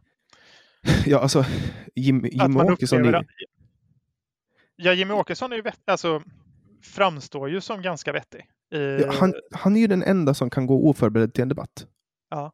Han, behöver, han behöver inte ha någon PR-konsult som hjälper honom med olika taglines. Nej. Fast det är ju för sig för att folk alltid diskuterar hans hjärtefråga när han är med i en debatt. Alltså, liksom, de har ju gjort Sverigedemokraterna, och detta har man ju gjort i debatten, alltså Sverigedemokraterna till det är ju det de pratar om. jo, liksom, men de har också, de har ju många andra områden. Ja, men, men, men, regeringen vi har idag, den, till, den blev ju liksom så här, okej, okay, vi måste hålla Sverigedemokraterna utanför makten. Alltså då gjorde man ju Sverigedemokraternas position till sakfrågan. Uh, och det var ju samma sak innan. Hur ska vi hålla Sverigedemokraterna utanför? Hur ska vi hålla Sverigedemokraterna utanför? Alltså då blir det ju ganska lätt att gå oförberedd till en debatt om man är den personen som liksom är sakfrågan. Mm. Ja, alla anpassar sig efter. Agendan, liksom. Alla dansar efter Sverigedemokraternas pipa. Ja, de, de har ju fått tillåtelse att sätta agendan. Uh, så. Vet du vem Robert Mattiasson är? Nej. Uh, han borde du intervjua någon gång. Han före detta partiledare för kommunistiska partiet som hoppat av och jag tror han hoppat av partiet eller gått ur partiet. Uh, men skriver nu för Nyheter idag. Mm. Jag är inte, håller inte med honom om särskilt mycket i liksom det han säger numera. Eh, men han ställde en ganska bra fråga i ett av sina liksom tal när han fortfarande var partiledare för kommunistiska partiet. Och det var, vad gör vänstern för fel när arbetarna röstar på SD? Eh, alltså, men jag, jag, ur mitt perspektiv så är SD vänster. Ja, det, det, köper inte jag. Uh, men, det, men det är liksom en sådär detaljfråga vart vi placerar dem, det är inte så noga. Men liksom, om vi tänker utifrån vänsterns perspektiv, alltså om de tänker att det liksom deras målgrupp är liksom arbetarklassen och liksom folk med arbetaryrken och sådär. Uh, och de här, den, deras målgrupp går någon annanstans. Vad gör de för fel då? Uh, och där tänker jag ju att ett fel som vänstern gör, det är ju att man inte har tillräckligt mycket egen politik som är liksom framåtskridande utan att det är väldigt mycket reaktion mot att vi måste hålla dem där borta, vi måste hålla dem där borta. Men, men jag, tänker, jag tänker att det måste ju inte vara något fel. Det kan ju vara så här att, att om en, uh, i en parrelation, om, om, om en partner lämnar en och mm. då börjar man, vad har jag gjort för fel? Jag kanske inte har gjort något fel. Nej, vänstern kanske inte har gjort något fel. Ja, det, eller så här, ja, eller vad vänstern har gjort. Om, om, om, mål, om målet är att en viss, liksom, ett visst skikt av befolkningen ska rösta på en och de inte röstar på en, då gör man ju uppenbarligen något fel. I alla fall ja, den. det är migrationspolitiken. Det är en faktor här, men alltså, och, och, och där tänker jag ju att man förhållit sig väldigt mycket till hur Sverigedemokraterna definierat migrationspolitiken snarare än att ha en egen tanke kring migrationspolitiken. Eh, och liksom, hur skulle en, liksom en vänstertake på migrationspolitik se ut? Ja, eller på något, av någon anledning så blev migrationspolitiken, det blev, det blev jättehemskt att inte, att inte tycka att öppna gränser är det bästa och att ge asyl ja. till massa, massa människor. Ja. Och sen har man bara anpassat sig efter det för att man tror att det är det som krävs för att få röster. Men helt, helt uppenbarligen så ska, man men, få röster om man var emot Ja, men där skulle man kunna tänka också så här, alltså, liksom vad i, även om jag inte håller med Sverigedemokraterna och jag är ju liksom för more, alltså, mer öppna gränser än vad jag gissar att många andra är i alla fall. Eh, men där, det finns ju fortfarande en problemformulering som är liksom vettig att ta i. Det är liksom så här, hur integrerar vi människor i samhället? Hur ser vi till att människor får möjlighet att liksom komma ut i arbete, få tilltro, liksom få, liksom, få hopp om framtiden, få hopp om sina, sina barns framtid. Liksom, alltså det där. För, eh. för mycket handlar ju om att så här, ska man ta på sig flera människor att försörja, människor som inte är ja. superbra på att försörja sig själva. Mm. Ska, ska vi ta det? Ska vi ta in... Och då, är, då, och då är frågan, hur ska vi kunna få människor som bor i landet att kunna försörja sig? Ja, eh, exakt. Och, då måste man ju kanske, det Sverigedemokraterna säger, att då måste vi sluta ta in nya. Ja. Som, som, och, och, som och jag, och jag skulle gärna se att vänstern liksom kanske inte kommer jag inte ihåg vem det var som sa det, men det var någon som sa att det var väldigt hemskt att diskutera volymer. Uh, men då, gör, då börjar man ju diskutera volymmål ändå själv. Alltså vi pratar om hur många man ska ta in. Uh, och det, då förhåller de sig till volymer ändå, snarare ja. än att kanske diskutera vad ska vi göra för att få till få ut fler människor på arbetsmarknaden? Vad ska vi göra så att fler människor kan, kan bygga liksom ett gott liv i Sverige? Ja, för det där är ungefär som att Alltså som att jag skulle börja ta in um, bulgariska gatuhundar i mitt Mm. hus. Det är så här, jag kanske tar in en Mm. och får en jättebra relation med den. Och så här, men det kommer att kosta pengar varje månad. Det kommer att det det krävs plats och det krävs eh, energi och tid från mig Ja. för att kunna gå ut, för att ja, träna, nu- nu- stimulera. Nu tycker jag, lik, nu tycker jag liknelsen mellan människor och hundar kanske är lite... Ja, men det, det, är inte, det är inte Eh. det jag försöker komma fram till. Men nu ur ett, ur ett ekonomiskt perspektiv. Ja. Eh, det, jag förstår att det slår fel. Men det är faktiskt en grej att adoptera bulgariska gator. Ja, jag, jag, vet, jag vet det. Ja. Ja. Och då, då, då kanske jag har en och sen tänker jag så här, ja, men en till kan jag ha. Eh, och jag kan ha två stycken. Jag kan säkert lätt ha tre stycken och Ja. hålla dem stimulerade. Men sen kommer det en gräns där det kanske blir dyrt med mat. Jag studerar, jag Ja. kommer inte att kunna försörja de här hundarna. De kommer att vara beroende av mig. Fast- Om jag då tar in 15 stycken till och helt plötsligt sitter med nästan 20 stycken, då kommer inte jag, till sist kommer inte jag ha råd med mat eller tid. Och då Nej. kommer de att få uppfostra varandra. Och, och, eh, Och det du, Det- hela, det här, alltså hela ditt tankeexperiment här förutsätter ju att det är du som ska försörja dem. exakt. Den, den viktiga De, frågan de är hundar, de kan inte Ja, sig själva. precis. Och det är därför det är liksom en ganska dålig jämförelse. Eh, men hade vi liksom när vi pratar, alltså hur ska vi kunna få människor att liksom skapa sitt, sitt, sitt eg, sin egen lycka? Mm. Men nu vet vi ju att vad är det 50 procent på 10 år, mindre än 50 procent på 10 Mm. år, är, eller runt 50 procent, fortfarande kan inte försörja sig själva. Nej, Och då skulle jag gärna se att vänster, alltså en vänsterlösning hade ju varit att gå in och titta på hur ska vi kunna få fler människor i arbete i det här? Eh, hur ska vi kunna få det så att det inte är tio år utan att det är liksom två år eller fem år eller vad det nu kan vara. Det stora problemet är ju att i Sverige så krävs det så fruktansvärt mycket utbildning och papper.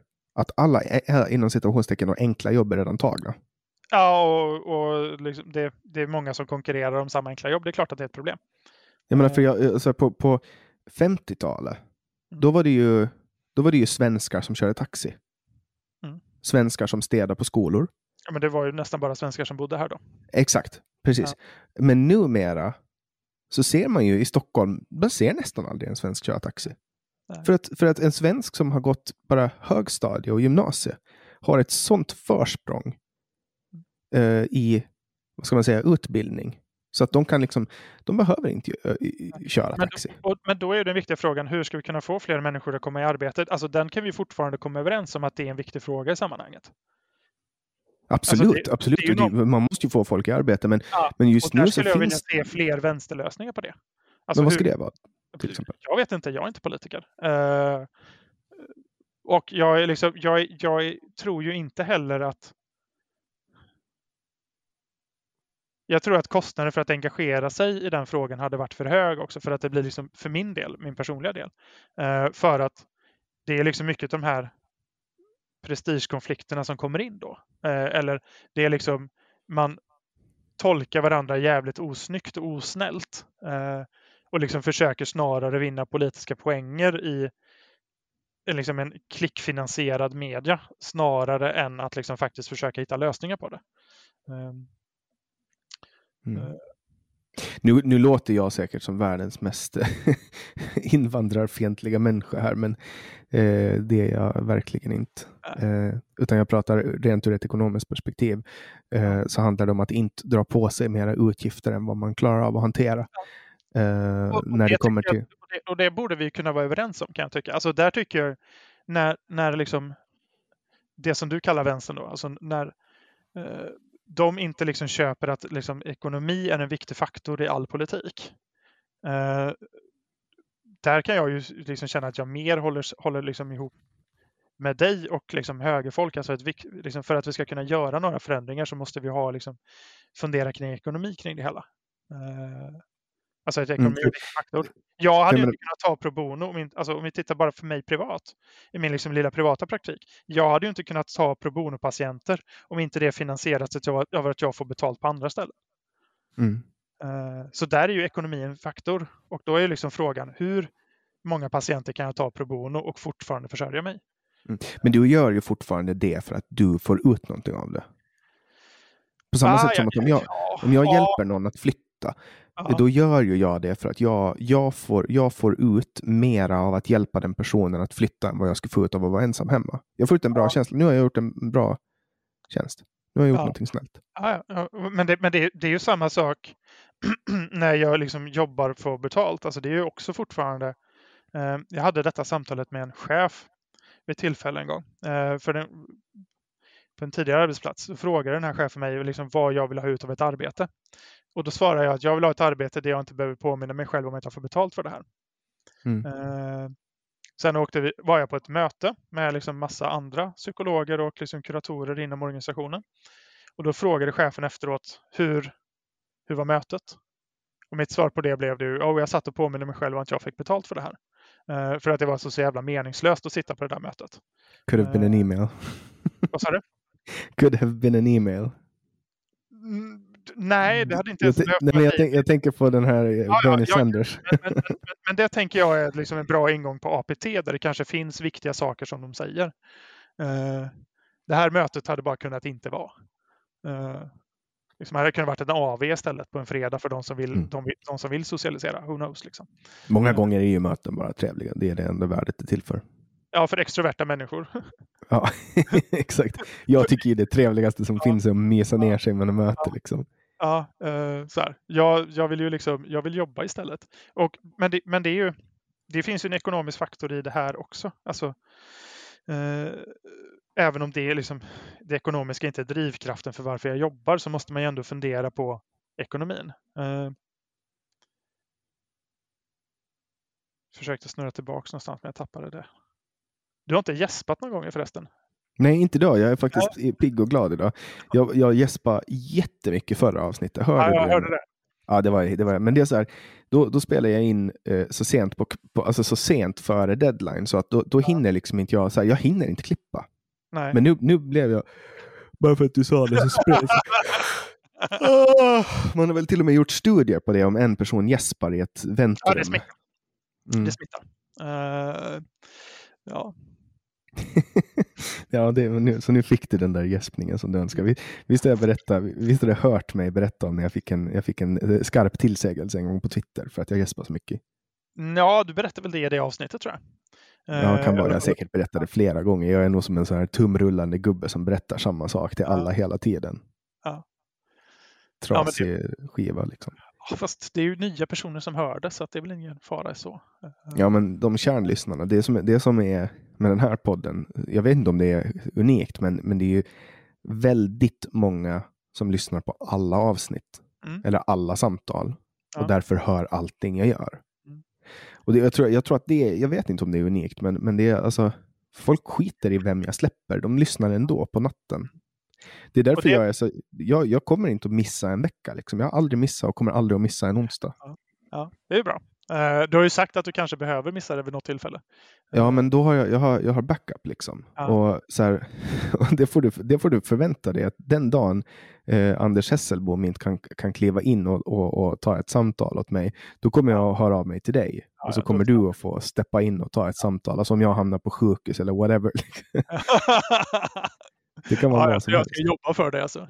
Exakt, så då kommer, då kommer den här, eh, då, då, då, kommer, då, kommer, då får du kliva in då som alibi-kommunisten. Precis. Nu gör vi det, nu gör vi det till en vänsterpodd. Ja, men vad- Inleder, med, internationalen istället. Ja, men när jag försökte, försökte när jag lyckades, ju. när jag bokade dig, då, då var det så här, men vad ska jag tillföra? Och jag bara, så, ah, men eh, vänstern är underrepresenterad. Du bara, men är, är vänstern underrepresenterad eller är det din känsla Mm. av att den är det? Jag tänker ju att det är en ganska ointressant frågeställning överhuvudtaget. Alltså är vänstern underrepresenterad i din podd? Det finns andra poddar där de pratar. Eh, det jag tänker är intressant här är ju, får du bra och givande samtal? Eh, Jag tycker det här är ett bra samtal. ja, ja, och det ett, tycker gi- jag också. väldigt givande. Väldigt Ja. givande. Men vad tänker du om vi, för det här funderar jag lite på, för du, när, vi, när jag frågar vad, liksom, vad skulle vara intressant att prata med mig om? Och då pratade du om det här att vi kanske skulle prata, metaprata om samtal. Så vad tänker du är ett samtal? Alltså vad kännetecknar ett samtal för dig? Ett samtal, det är när man, det typiska samtalet är det som sker när man träffas, går in, beställer varsin kaffe, sätter sig ner och det som händer, det är samtalet. Ja, ja. Man bara sätter sig ner och pratar. Fin, vad, finns det några liksom känslor kopplat till det? eh, skulle du säga? Ja, ja, för mig så är väl känslan att jag alltid tycker att det är spännande att träffa en ny person. Ja. Alltså som mitt bästa jobb någonsin som jag har haft, det var att jobba som nyhetsreporter. Mm. För då hade jag på morgonen när jag kom på jobb, så hade vi ett så möte, ett morgonmöte. Mm. Och då hade jag en lista med bullet points. Så alla reportrar hade så här varsin lista med saker de skulle göra. Och då var det bara så ett ord. Och så gick man igenom gårdagens tidning och sen gick man igenom vad alla skulle göra. Mm. Och, och, och då visste jag så här, varje morgon så satt jag och bubblade och var så här nervös. Så här, vad ska jag få idag? Fan vad kul. Idag ska jag... För då visste jag att jag kommer att få träffa en ny människa. Helt plötsligt kanske jag åker och gör eh, ett reportage med någon som odlar potatis. Och sen kanske jag åker och gör en 75-års intervju. Mm. Eh, och sen kanske jag eh, skriver ut domar om en våldtäkt. Mm. Alltså massa olika människors eh, öden och livsberättelser och allting bara sammanflätat ut i historier. Mm. Eh, och det är spännande för att alla människor har historier. Alla människor är spännande på något sätt, bara man samtalar. Men 15 minuter är inte tillräckligt. Det behöver vara minst en timme och 45 minuter. Ja, minst. Eh, hade jag startat podd, det kommer nog aldrig hända för det är liksom mycket engagemang i det, så hade jag ju gärna satt mig ner med pensionärer. Alltså gärna pensionärer, modeller, äldre och bara liksom låta dem berätta fritt om sitt liv. Mm. Och, och Ja, är, det någon, är det någon där ute som vill ta den idén, gör det. Jag lyssnar, jag kommer bli Patreon. Eh, gör ni arbetet för mig så är jag glad. Uh, Pensionärspodden. Ah, gud, jag hade älskat Den det. finns säkert redan. Ja, jag hoppas det. Eh, du kanske Alla, det, jag är lite allergisk för folk som sätter podden bakom. Det är en sån här svensk grej. Ja, ja det det, det, det. är en jättesvensk grej att du bara sätter podden bakom. Du tar så här Hundpodden, Glasögonpodden, Gubbpodden, Rättegångspodden. Mm. Rättegångspodden. Alltså, Ja. Jag är glad att jag inte har. Min första idé från min första poddidé från 2016, det var hade podden efter sig. Så ändrar du det nu. Ja, du har ju bytt namn på den här botten också i och för sig. Ja, Men det jag, det jag tänker är så viktigt för ett samtal, alltså det finns ju det är ju någon form av genuint intresse i det också. Alltså genuint intresse för att förstå den andra. Annars blir det ju, om du och jag skulle sätta oss ner och snacka politik, så blir det, är det lätt hänt att det blir debatt till exempel. Snarare Mm. än ett samtal där vi försöker förstå varandra. Eh, skulle du och jag träffas på ett café eh, och inte känna varandra och inte vara intresserade av varandra, då kommer vi prata lite om väder, vi kommer prata lite om saker och ting som är liksom ganska ointressanta. Eh, såg du Melodifestivalen igår eller vad det nu kan vara? Alltså så här allmängiltiga intressen. Eh, och det tänker ju inte jag är samtal på samma sätt, även om det kanske ser likadant ut. men det Eh, kan bli ett samtal av det, för att man går ju alltid igenom så här, de här artighetsgrejerna först. ja, om, om det väcker intresset så kan det bli ett samtal. Mm. Eh, och ibland kan det behövas det där liksom artighetsgrejerna först för att liksom ease into it på något sätt. Eh, för att man ska liksom orka sätta sig ner där. Eh, så. Ja, Men- ibland har man ju inte tid till exempel att samtala. Jag kan många gånger känna så här att åh, jag skulle vilja kasta mig in i det här kommentarsfältet, men jag orkar inte. Och så kan jag känna när jag ser kommentarsfält där det inte, det jag inte tänker att här kommer det kunna bli något, kommer, här kommer vi inte kunna mötas. Jag är ju liksom generellt sett min, mer intresserad av att se vad har jag för liksom, beröringspunkter med dig eh, ideologiskt, än att se vart tycker du är fel och vart tycker vi är annorlunda. Eh, då är det snarare int- mer intressant att se vart tycker vi lika? Vad kan vi göra tillsammans? Hur kan vi, liksom, finns det någonstans där vi kan enas? Eh, Mm. Nej, men som till exempel häromdagen så var det en på Twitter som skrev så här. Citat då. Hur tänker du att förintelsen började? Med ett gäng uniformerade nazister som dök upp från ingenstans och skrek kom så sticker vi och dödar några miljoner judar. Och så gjorde alla det. Nej, så gick det inte till. Det började ungefär som idag med SDs lydiga vardagshatare. Och då Ja. blir jag så här bara, men suck, jag retweetade den här och så skrev jag bra försök till klyschig billig politisk poäng. Men du glömmer världskrig, hungersnöd, hyperinflation, politisk instabilitet och extremt stort politiskt missnöje. Varför försöker du skriva om historia? Alltså jag, jag, av, jag avskyr hur människor bara liksom går in och så gör de liksom så här, försöker starta igång saker som är helt, alltså så här, du vet, billiga politiska poänger och allting. Och de här är inte intresserade av att debattera. Nej, det, Det där handlar ju om vem man, vem man vill nå, tänker jag. Det där är ju att liksom prata för den egna rörelsen och mobilisera den egna rörelsen på något sätt. Eh, Ja, i min värld så skulle man skriva det där för tio år sedan, då skulle det vara så här 10 000 likes. Och folk Ja, så- skulle ha blivit jättehyllad. Mm. För det är, det, är, det är gammalt eh, jättelätt att få supermycket likes. Jag kommer ihåg för typ vad kan det, vara, 10, 5, 8, 8, 9, 7, 8, 9 år sedan så på eh, kvinno, internationella kvinnodagen, 8 mars är väl det, då var det jättevanligt att skriva så här. Jag firar inte eh, kvinnor bara idag. Jag firar kvinnor alla dagar. Typ så. Och då var det så här, åh, 10 000 likes. Ja. Och det var så här, världens Ja, klyschigaste grej. Då, då är frågan, alltså, om, vi, om vi tänker på någonting jag brukar prata om, alltså, dels när jag föreläser lite, men också liksom i, när jag jobbar. Det är det här topografi och funktion. Alltså, vad ser vi och vad, vad är funktionen med ett beteende? För här är det liksom, någon säger någonting och sen så får de 10 000 likes. Alltså, säger de det för att de tycker det eller säger de det för att de vill ha 10 000 likes?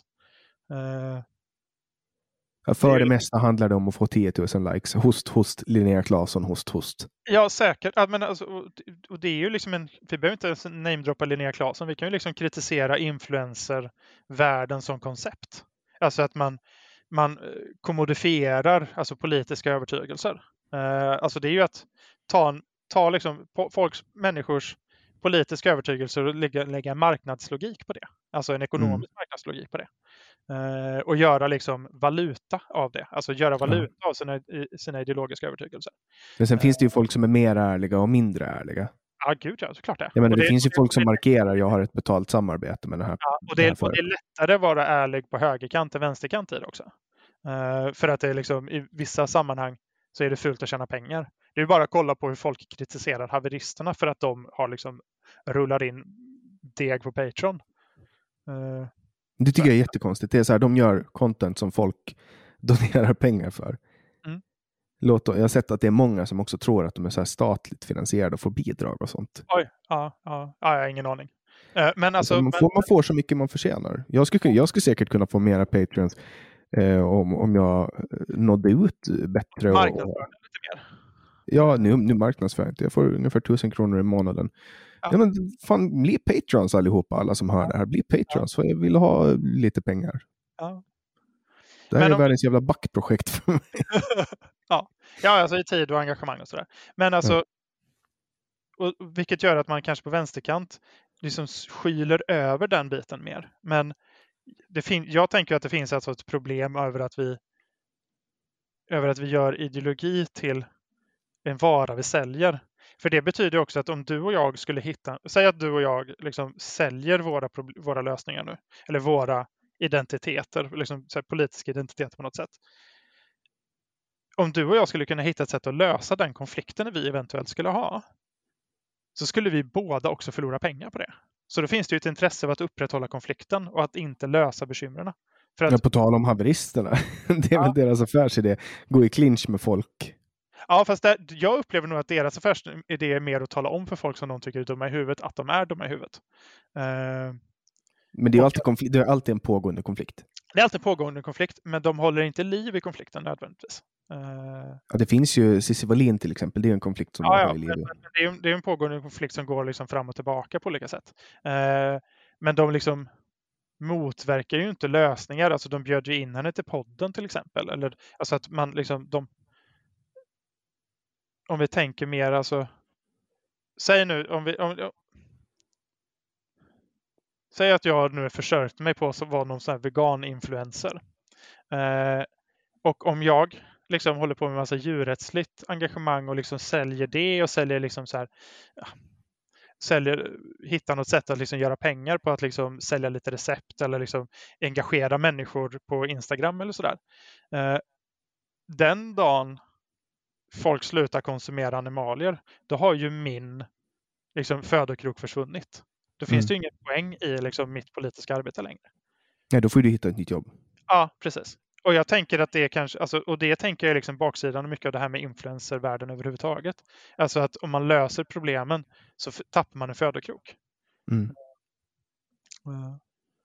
Och det är ju liksom ett, och, där är ju också min kritik, alltså jag tänker att det är liksom för min del en vänsterkritik mot det där att liksom eh, göra liksom politik till någon form av arbete efter liksom marknadslogik. Jag, jag tycker ju inte att man ska få ställa upp i riksdags, att man ska kunna få sitta i riksdagen hur många år som helst.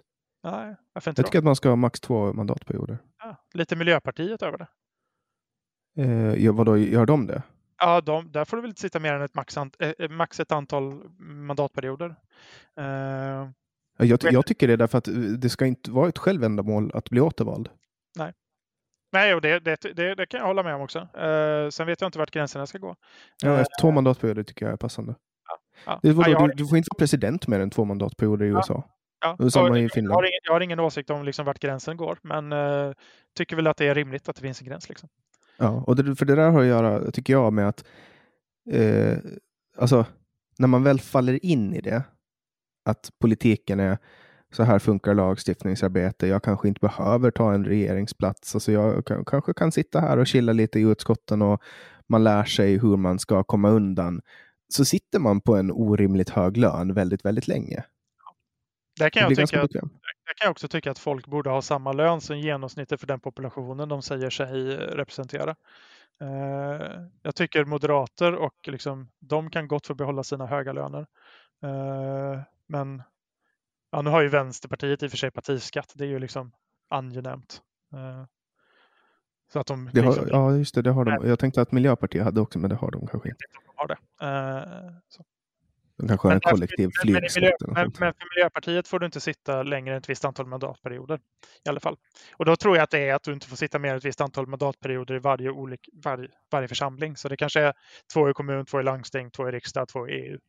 Eh, mm. ja, det är, riksdag är ju där du kan, alltså landsting och kommun, det är ju, det är ju inga heltidsjobb. Nej. Och sånt, sånt, det blir ju egentligen bara bättre med åren i kommunerna. För att där drivs ju ofta folk, man drivs ju inte av prestige i kommuner. Man drivs av förändring, man drivs av, för de är ju obetalda. Man får liksom något arvode som täcker. Ja, och, det, och där är, har man ju också ganska konkreta arbetsuppgifter som man jobbar med. Alltså sånt som är viktigt i kommunen. Uh, ska vi göra om torget eller ska vi bygga ny ishall? Verkar vara de stora. Uh, mm. Ja. Men alltså, det, är, liksom, det är mer verklighetsnära eh, frågor såklart. Ja, sånt som verkligen påverkar folk. Ja. Men, uh, men du har, har du varit med i något parti? Uh, jag har varit med i Vänsterpartiet en kort sväng. Uh, sen insåg jag att jag orkade inte vara pragmatisk och så gick jag ur. Var de för borgerliga för dig? Nej, det var att jag kände att jag var tvungen att tumma för mycket på mina egna ideologiska övertygelser. Eh, jag var mm. med i RKU innan, när jag var yngre, eh, Revolutionär kommunistisk ungdom, som är ungdomsförbundet för kommunistiska partiet. Eh, men även där kände jag att jag var tvungen att tumma för mycket på egna värderingar. Även om min primära kritik där är mot någonting de kallar för demokratisk centralism. Alltså att det ska vara högt i tak inom partiet, att man ska kunna diskutera vad som helst inom partiet. Men att när man väl har fattat ett beslut så ska vi hålla enighet utåt. Så försöker ju alla partier ha det. Men... Och det är ju i grund och botten en leninistisk princip. Eh, att den här liksom, vikten av den demokratiska centralismen och den är ju stark, framförallt Socialdemokraterna tror jag. Eh, men alltså, och det har jag väldigt svårt för, för att om jag tycker att någonting är liksom käpprätt åt helvete, då vill jag ju kunna säga det. Eh, hade jag suttit här i ett parti, eller liksom varit med i ett parti och suttit här i din podd och tyckt att någonting mitt parti tyckt var käpprätt åt helvete, så hade jag ju i det fallet varit tvungen att försvara det, även fast jag inte håller med. Exakt, ja, så, så var det ju när jag var med i Liberalerna. Det var ju någon, ja. en av anledningarna till att jag lämnade Liberalerna. Ja, jag tror Folkpartiet jag... i Sverige varit lite mindre på det. Än, de är ju också så extremt små här på Åland. Ja, men, men om, går tillbaka ett gäng år, liksom Folkpartiet i Sverige, eh, så var, fanns det väl visst mer utrymme att tycka saker själv om jag inte minns helt fel. Ja, men då var ju ändå alla, det var ju, rådde ju bred konsensus då också. Det, det här ah, var ju på den tiden som eh, Liberalerna var egentligen bara Alliansens utbildningsavdelning. Ja, längre tillbaka också. Alltså, det, var ju, det var ju tack vare någon folkpartist som vi fick igenom APT, eller ATP en gång, en gång i tiden. Mm. Eh, ja, alltså, de har ju, de har ju... Men det var ju någon som röstade mot partilinjen där. Mm, och som, som litet parti så, så kan man ju göra stora förändringar. Det är ju bara att kolla på Miljöpartiet. Liksom. Ja. Att ibland kommer ens time to shine och nu, nu hotar Liberalerna med att lämna JÖK-överenskommelsen också. Mm. Eh, och då kan ju de göra en stor, de kan ju försätta hela Sverige i ett extraval till exempel. Eh, men, men jag menar, som, som för mig, som jag var medlem i, i tio år i Liberalerna, och ja. ställde upp i två val för dem. Vänt, vänta lite. Det är någon som håller på och ringer på min dörr jättemycket. Yes, jag pausar. Ja, tack. Vem var det som ringde på dörren? Ingen aning. Eh, men jag har inte något telefonsamtal som någon har ringt och alla som kan vara vettiga eh, i det eh, har mitt telefonnummer. Vad är det för jävla antisocialt beteende att hålla på och knacka? Nej, men det, knacka hade väl varit en sak. Då hade de uppenbarligen inte kommit in. Nu var det någon som höll inne den här knappen för att ringa på. Nere vid jag tänker på typ, eh, alltså, eh, när jag var liten, eh, då ringde man ju alltid före. Så här, man ringde ja. någon på hemtelefonen. Hej, det är Jannik. Ja. är Kevin hemma? Eller ja. får jag leka med Kevin? Typ så. Men min pappa, de var ju så här, på hans tid, de var bara att knacka. Ja, alltså i Brålanda där jag växte upp så var det en hel del som bara knackade på också. Så. Var ligger det någonstans? Är det nära Göteborg? Dalsland. Vad sa du? Dalsland. vet du vart Vänersborg ligger? Nej. Vet du vart? Ja, tio mil norr om Göteborg typ. Okej, okay. ah, ja. Dalsland är ett litet landskap här i, här i Sverige som jag tror inte det finns några städer. Eh, Åmål är väl det närmaste som kommer en stad tror jag. Okej. Okay. För att du, du, du, din dialekt låter lite som Bobo Sundgren ibland. ja, ja, han bor väl också här i Göteborg eller? Ja, det gör han. Han har ju varit med här. Han, eh, han har ju tagit kontakt med de döda åt mig. Ja, eh. det, samtalet. Han var, det var väldigt snyggt hur han eh, fick dig att tro på det han sa. Mm. Är, det, är det någon så här psykologisk, bara för att dra en, en recap till de som inte har hört det, så hade med en kille som heter Bobo Sundgren som är medium eh, och han eh, tog kontakt med de döda eh, och han lyckades liksom träffa in det här eh, en, en så prickande beskrivning på en person som har funnits i mitt liv att jag blev helt ställd. för jag gick in med inställningen att han bara pratar skit och helt plötsligt så fick han alltså, träffa helt rätt. Och lyssnar du om det på det avsnittet så kommer du se att det är ganska allmänna beskrivningar som det finns ganska mycket utrymme för dig att liksom, eh, läsa in saker i. Ja. Eh, de, många har haft en viktig lärare i sitt liv till exempel. Eh, det är till, när, jag, när jag är ute och föreläser om traumamedveten omsorg så brukar vi ju liksom ha en, en liten övning i början där vi frågar liksom vem, som egentligen går ut på att folk ska berätta om någon som varit viktig för dem under deras liv. Eh, och liksom under deras uppväxt. Alltså vad, vad, har varit en viktig vuxen för dig? Eh, och det är väldigt ofta som den viktiga vuxna är en lärare. Eh, eller liksom det som är vanligast brukar vara typ en lärare eller skolpersonal i, i, i allmänhet. Eller kanske liksom en mormor eller morfar eller farmor eller farfar eller något sånt där. Eh, men liksom med ganska mycket allmänna beskrivningar så kan man ju få personer att fylla i själva en hel del. Eh, mm. Och det ja, tänkte som... i ert samtal, att det fanns mycket utrymme för det. Alltså det som träffade så rätt då, som fick det här att ta ganska hårt, det var att det var en, just en mattelärare. Och jag, jag hoppade ju av gymnasiet och mitt stora problem i gymnasiet var matematiken. Jag hade jättesvårt med matten.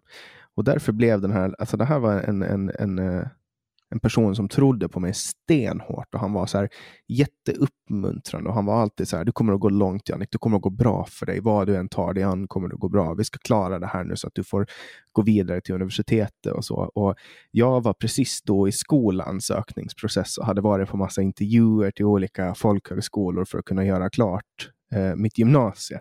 Och då var hela den här farhågan med matten hängde väldigt mycket i luften, så att det var det, var det som liksom det var som en lyckartad slump som gjorde att han lyckades träffa in just det.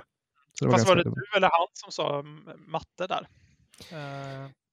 Alltså det var nog jag som, som, som sa matte, men, men alltså just den beskrivningen. Jag har inte haft någon en sån lärare förut. Liksom. Nej. Och här tänker jag, alltså, alltså det, men det är ju det här att uh, det finns oftast ganska mycket för folk att fylla i. Och att det är liksom det som är mycket kärnan i den typen av grejer. Alltså att man presenterar lite och så ser man om det fylls i och så kan man haka på. Eh, sen upplevde ju du det som meningsfullt om inte jag minns det rätt och det kan det väl få vara då. Liksom. Alltså det var en häftig, jag, jag är, tror ju inte på sånt. Nej. Och därför, var, därför blev jag så tagen på sängen. Ja. Det är ungefär som jag var på en, någon så här, jag var på en föreläsning någon gång och då var det en så här mellanshow med någon hypnotisör som gjorde någon så här hypnos där han hypnotiserade alla att de inte kunde öppna ögonen. Mm. Och, och, jag trodde inte på det heller, men jag satt där och kunde inte öppna mina ögon. och där är olika människor olika mottagliga från hypnos och den typen av suggestion också. Liksom. Eh, Men då var jag så här, jag kom, alltså det är klart, jag har kontroll över min kropp liksom, men jag satt där och fick inte upp mina ögon. Tills han spännande. knäppte med fingrarna. Ja, men det, och det är så här, det, jag vet inte varför. Och det är klart att jag, alltså, man blir ju skämmas då, det blir lite skam, så här, men vad fan vad det som händer? Och det finns ju mycket alltså, som vi inte kanske vet så där jättemycket om heller. Liksom. Eh, Men vad är grejen med hypnos då ur ett psykologiskt perspektiv? Ingen aning. Eh, har inte kollat in på hypnos alls. Eh, jag jobbar liksom utifrån ett behavioristiskt perspektiv, så jag tänker på allting som beteenden. typ. Eh, det där, ja, hypnos, jag förstår inte det. Eh, Men av, av, av, att lyssna på mig då, kan du liksom, eh, om, om du drar en analys av mig som samtal, alltså du har ju hört på samtal, vad, vad, vad, vad, ur ditt perspektiv, ditt psykologiska perspektiv, hur ser du mitt eh, nyfikna beteende om, om du ska göra ett nedslag på det? Nej, men alltså, det, och det var ju det jag pratade om i början, att du verkar... Min uppfattning när jag lyssnar, och det, det är ju det som också fått mig att gilla podden, det är ju att du många gånger faktiskt vill förstå vad de du har med tänker om olika saker. Du vill liksom lära känna deras idéer. Alltså den här nyfikenheten som du pratade om när du jobbade som journalist eh, på tidningen där. Eh, alltså att det är liksom den här nyfikenheten, att det är det som är din drivkraft på många sätt. Och det är ju det som gör att jag tycker att det blir en bra podd av det också. Eh,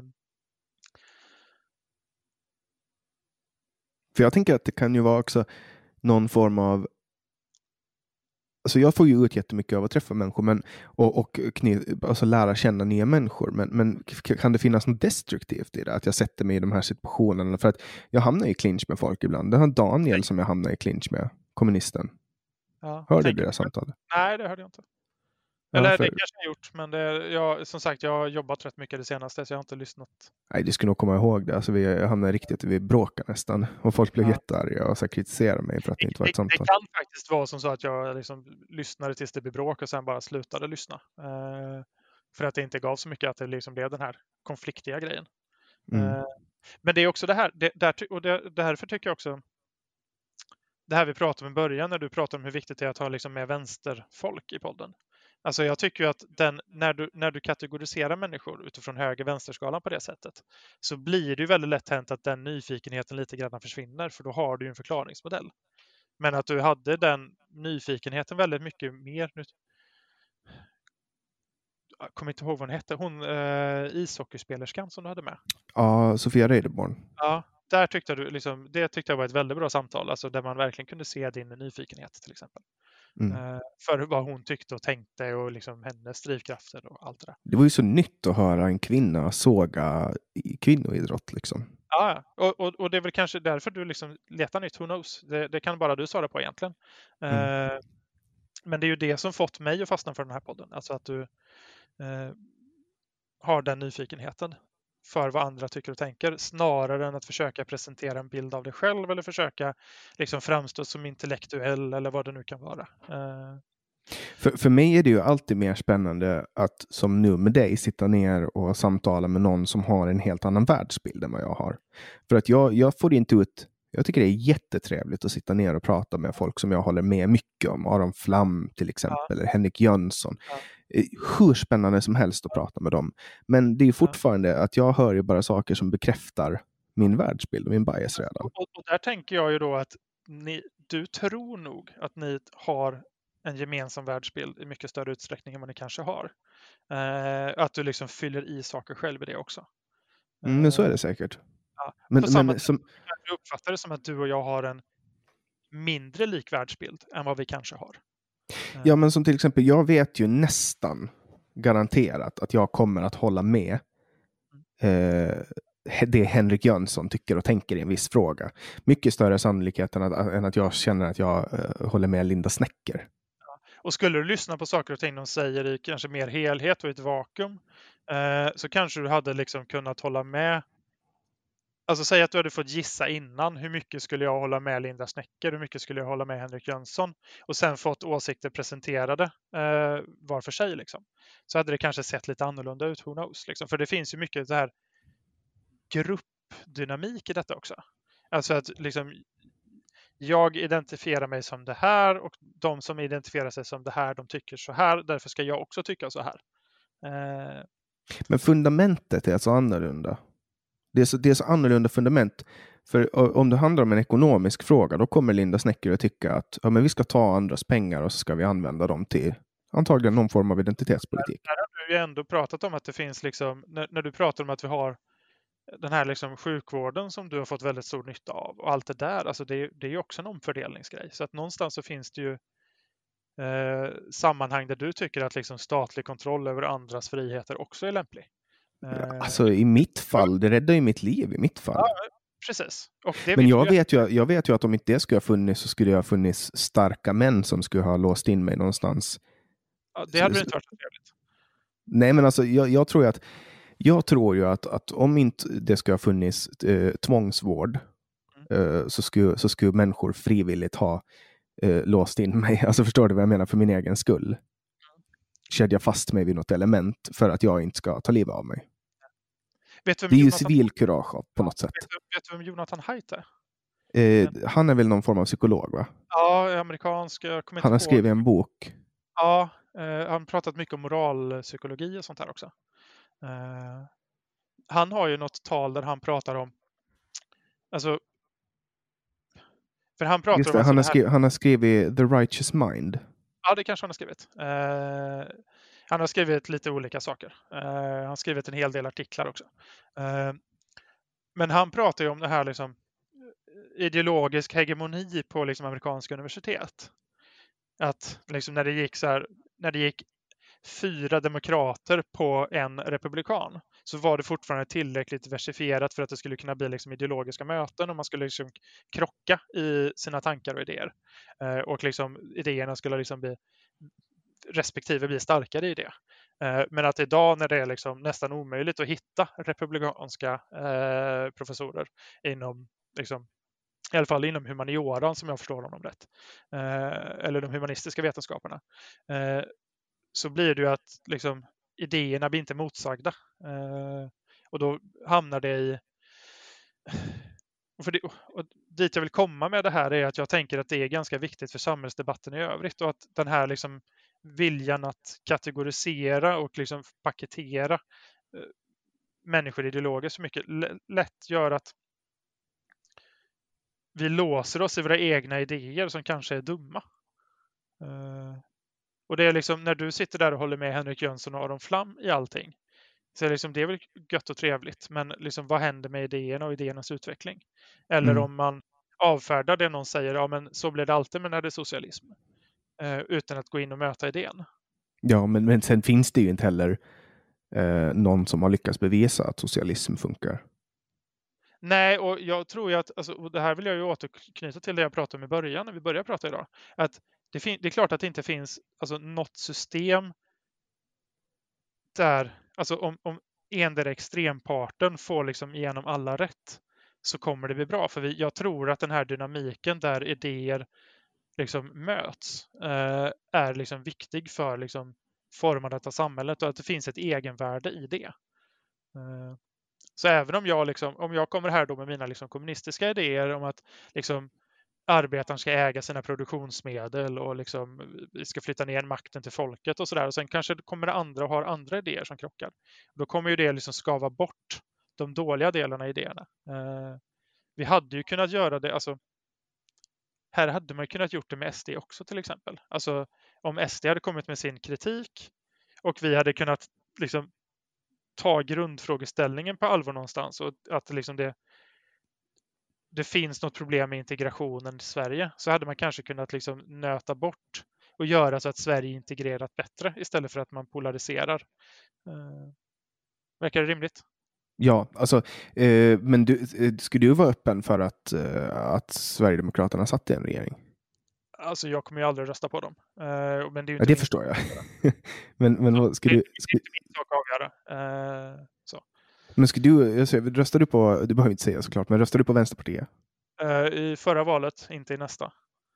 Mm, men skulle du, skulle du, hur skulle du känna om, om Vänsterpartiet nu släppte fram Sverigedemokraterna? Samma som jag känner för att Vänsterpartiet släppte fram Centern. Uh, Du ska alltså acceptera, du skulle tolerera det helt enkelt? Nej, det, det, det, har jag svårt, det har jag svårt att se att jag skulle göra. Men tolerera, det är ju att inte göra aktivt motstånd. Ja, fast, alltså, jag kommer ju inte rösta på Vänsterpartiet i nästa val för att de släppte fram en centerregering. Okej. Okay. Ja. Finns det något alternativ då för de som är riktigt så vänster som du då? Nej, inte i riksdagsvalet. Jag röstar på kommunisterna i kommun. Uh, så. Men har de Men, något mandat där du bor då? Nej, de har 0,2 tror jag de fick i förra valet. Ja, ja det är, jag tycker att alla kommunister kan hålla sig på ungefär det talet. För, för min del.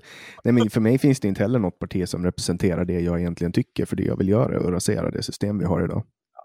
Och då är du nästan mer revolutionär än vad jag är. Mm, ja, ja nej, men jag, jag vill ta över världen för att låta folk göra vad de vill. För, för det jag vill, alltså jag vill ju att folk ska jag vill att människors idéer ska mötas eh, och att de ska ta, alltså människors idéer ska tas på allvar så att vi kan liksom nöta bort dumheterna i allas idéer på något sätt. Eh, mm. Alltså, och, och där, där kan du kalla mig marknadsliberal då, för det jag sitter och argumenterar för här, det är ju liksom, liksom idéernas fria marknad någonstans. Mm. Uh, Innebär det också att du vill klippa HMF? Uh, beror på. För att det är ju en, det är ju en lag, då, hets mot folkgrupp, som används eh, på kanske fel sätt, tänker jag. Alltså när man, det, är, det finns ju pensionärer, äldre människor som har växt upp i ett samhälle där man får säga negerboll som eh, kan bli dömda på Facebook, alltså dömda för att de har suttit och skrivit någonting på Facebook för att de har varit gamla och rädda och förvirrade. Liksom. Ja. Eh, det har jag ingen, ingen koll på, men det, det, är, liksom, det är ju någonstans där eh, någonstans måste man dra en gräns. De flesta är ju okej okay med att vi drar en gräns i alla fall, liksom hot på något sätt. Eller uppmaning till våld. Eh, Uh, det skulle nog liksom även, liksom, alltså även i den amerikanska liksom, uh, lagstiftningen kring liksom, yttrandefrihet så får man fortfarande inte uppmana folk till våld eller hota liksom, på det sättet. Mm. Uh, och jag tänker att HMF hittas någonstans i det spektrat också. Uh, nu är inte det en fråga som jag liksom tänker så mycket kring. Eh, mm. Så jag vet inte vart jag skulle landa i den. Mm. Ja, och, hur, och hur definierar man hets ja, också? Ja, ja det, det är massa sådana saker man måste gå in i liksom, eh, innan man liksom blankt kan säga ja eller nej. Liksom. För det är väl där yttrandefriheten inskränks? Det är väl enda punkten som yttrandefriheten inskränks egentligen? Ja, ärekränkning också. Det är också en inskränkning i yttrandefriheten. Eh. Ja, men det, det, det, det är ju för att man inte får framföra osann information. Du får alltså, inte sprida lögner ja. Nej, du, du, får inte sprida alltså, även sann information som kanske eh, ställer folk i dåliga dagar nödvändigtvis. Mm. Ja, som jo, om är offentliga, men alltså. Nej, i syfte att skada får man inte göra. Nej, nej det får man inte. Men det är ju en, det är ju en offensiv handling. Ja, men, det, men, men, men, det är fortfarande inskränkningar i yttrandefriheten, så någonstans finns det inskränkningar. Ja, ja, jo, och det är också en definitionsfråga. Nej, men det är sant. Det är sant. Ja. Och sen får man ju inte, man får ju inte berätta sekretessbelagd information, men det är sånt man har avtalat sig in i. Ja. ja, där har jag ju, nu är det någon som ringer på igen. Kan, ska, kan du inte gå och kolla vem det är? Men akta att du inte blir rånad. Ja, fast det, jag orkar inte bry mig. Det, jag har, det är ingen som ska vara hos mig klockan åtta idag. Eh, och min fru har mitt telefonnummer. Eh, så. hon ska ja, inte det, det, liksom. det, kanske är en, en, det kanske är en mördare som står där nere nu. Som, ja, det tror jag inte. Och nu eh. räddar, nu räddar jag ditt liv. Fast nu jag, blev jag nyfiken på vem som var där. Så att, men ja. gå inte dit. Stanna där. Det, det, är säkert en mördare. Ja, det tror jag inte.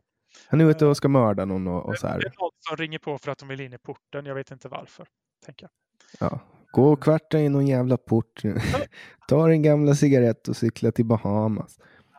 Och då Nej, Bahamas? Att, det passar på Bahamas. De frågorna som jag driver, alltså, som jag är intresserad av, det är ju i första hand de här djurrättsliga frågorna. Alltså att vi ska konsumera ja, just det. animalier. Just det. Eh, det som står i introduktionen men som vi inte pratat någonting om. Då får vi ägna eh, resten av tiden till att göra det då. Vi får se vart samtalet för oss. Eh, men det, det är ju liksom där jag brinner och där brinner jag ju för att liksom möta min, och, och där pratar vi jag vet inte om du gjorde det innan vi drog igång nu idag eller om det var efter du hade satt igång inspelningen. Men det här med att du är liksom, äter nästan uteslutande kött. Ja, det var eh. före. Ja, jag, jag, de senaste åren i alla fall. Nu har jag börja glida in lite på kolhydrater just för att jag följer ett träningsschema och jag är väldigt öppen. Men du är lite Jordan Peterson i din diet låter det som. Ja, men jag var ju tre år där jag bara åt kött, inget annat. Ja. Eh, och jag är ju inte jätteintresserad av att övertyga sådana som dig, alltså som står för långt bort ifrån mig i det här. Uh, för jag skulle kunna fylla en heltid av att liksom hjälpa människor som är intresserade av att äta mer veganskt, att äta mer veganskt. Uh, så jag vill liksom lägga tiden där jag känner att det gäller som någon form av konkret nytta. Uh, mm. Sen värt att nämna är att jag har ju testat vara vegan under en längre tid, men det slutade med att jag fick gå till sjukhuset och ta tarmprover. Ja, ja. För att jag mådde hur, så dåligt. Hur, såg den vegankosten ut? Ja, det var, jag testade olika former. Ja. För, det, jag för, det, för det jag tänker att många, många går bet på, nu vet jag inte hur det var för dig, men det jag tänker... Nej, men jag många... testar olika makros, ibland med olika ja. protein och fett och kolhydratsbalanser. Liksom. Det, det jag tänker i alla fall att folk lätt hamnar i att det blir för, för lite variation i en redan restriktiv diet. Uh... Ja, för mig blev det för mycket fiber. Det, ja. det gick liksom inte. Ja. Alltså, jag, fick, jag, fick, jag, jag var så dålig i magen så att jag behövde uppsöka sjukvård. Liksom. Och det funkar helt enkelt. Sen började jag äta kött och så funkar min mage jättebra. Nu har jag slutat äta bara kött och börjat liksom koppla in kolhydrater igen. Och nu klarar min mage helt plötsligt av att hantera dem. Det gjorde den inte för tre år sedan. För tre år sedan så blev jag lös i magen direkt när jag åt kolhydrater. Men nu klarar jag det. Men jag har fortfarande vissa saker som sker. Alltså min impingement i axlarna har blivit värre av att jag börjar äta kolhydrater igen. Och så. Ja. Och där kommer vi in på alltså det här med nutritionsforskning. Där pratar du väl med han på träna styrka tror jag. Alltså eh, finns... Jakob Gudiol på Tyngre träningssnacken. Eh, alltså att det, vi vet ganska lite om nutritionsforskning och det mesta vi vet är liksom korrelationsstudier. Mm. Eh, ja, sen är ju alla, alla är ju helt individer. Ah, ja. Vi är ju så jävla olika alltså. Det är, ja. det är bara att titta på alla människor ser olika ut liksom. Ja, fast jag tänker att liksom skillnaden inte liksom är nog inte så stor som, alltså, som olika dietförespråkare vill föres, förespråka. Liksom. Uh, men jag vet alla tycker om olika musiksmak. Alla tycker om olika träningsformer. Alla gillar Bob Dylan. Eller ja, alla gillar ja, jag vet inte. Alla, ja, alltså, jag gillar båda, men... men ja. eh, Nej, men alltså, jag tror att man liksom, särskilt om man ska sälja en diet, vilket jag upplever att många gör, då liksom precis som du är inne på det här med forskningen, man hittar någon liten signifikant skillnad så förstorar man den för att kunna sälja den. Jag tänker att det finns lite sånt här också.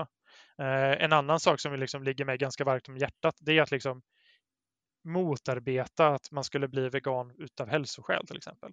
För det finns väldigt lite som pekar på att en vegankost är liksom bättre för hälsan än en animalisk kost eller en kost som innehåller animalier. Men det vi vet och det Livsmedelsverket skriver, det är ju att du kan leva lika hälsosamt på en vegankost som du kan på liksom, vanlig kost, icke-vegansk kost. Om du är beredd att stå mera i köket. ja, alltså i alla fall initialt. Sen kan man liksom, när man, när, när man har liksom lärt in nya vanor så blir, har man lärt in nya vanor och då blir det då blir ju det vanor då kanske man kan laga mat på en halvtimme eller en kvart eller vad det nu än är. Liksom. Eh. Det som jag upplevde som var så jävla svårt med vegankost är att, att, att hela tiden behöva hitta tre olika proteinkällor. Alltså det... jakt, jakten ja. på bra protein. Liksom. Ja, och det där att man behövde kombinera olika saker på, på det sättet.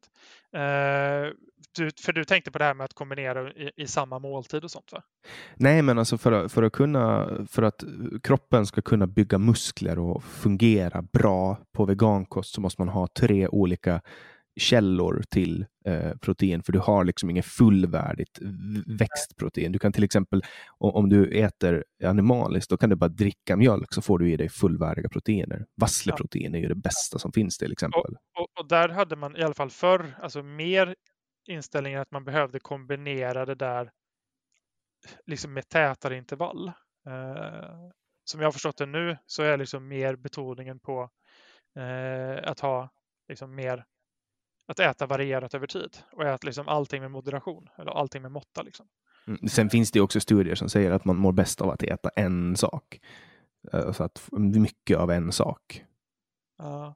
Det där har, jag, alltså, bara, det... det där har jag bara stött på i eh, raw food-kretsar. När folk har liksom så här monomil och det tycker jag verkar knepigt. Ja, alltså 12 bananer till frukost. Liksom. Ja, jag kör ju också periodisk fasta och det, det är någonting som jag kan rekommendera åt alla i hela världen. Jag ska aldrig rekommendera carnivore eh, eller, eller, eller keto eller vegan till, till alla i världen. Men alltså, Vad tyckte Gudiot om eh, periodisk fasta?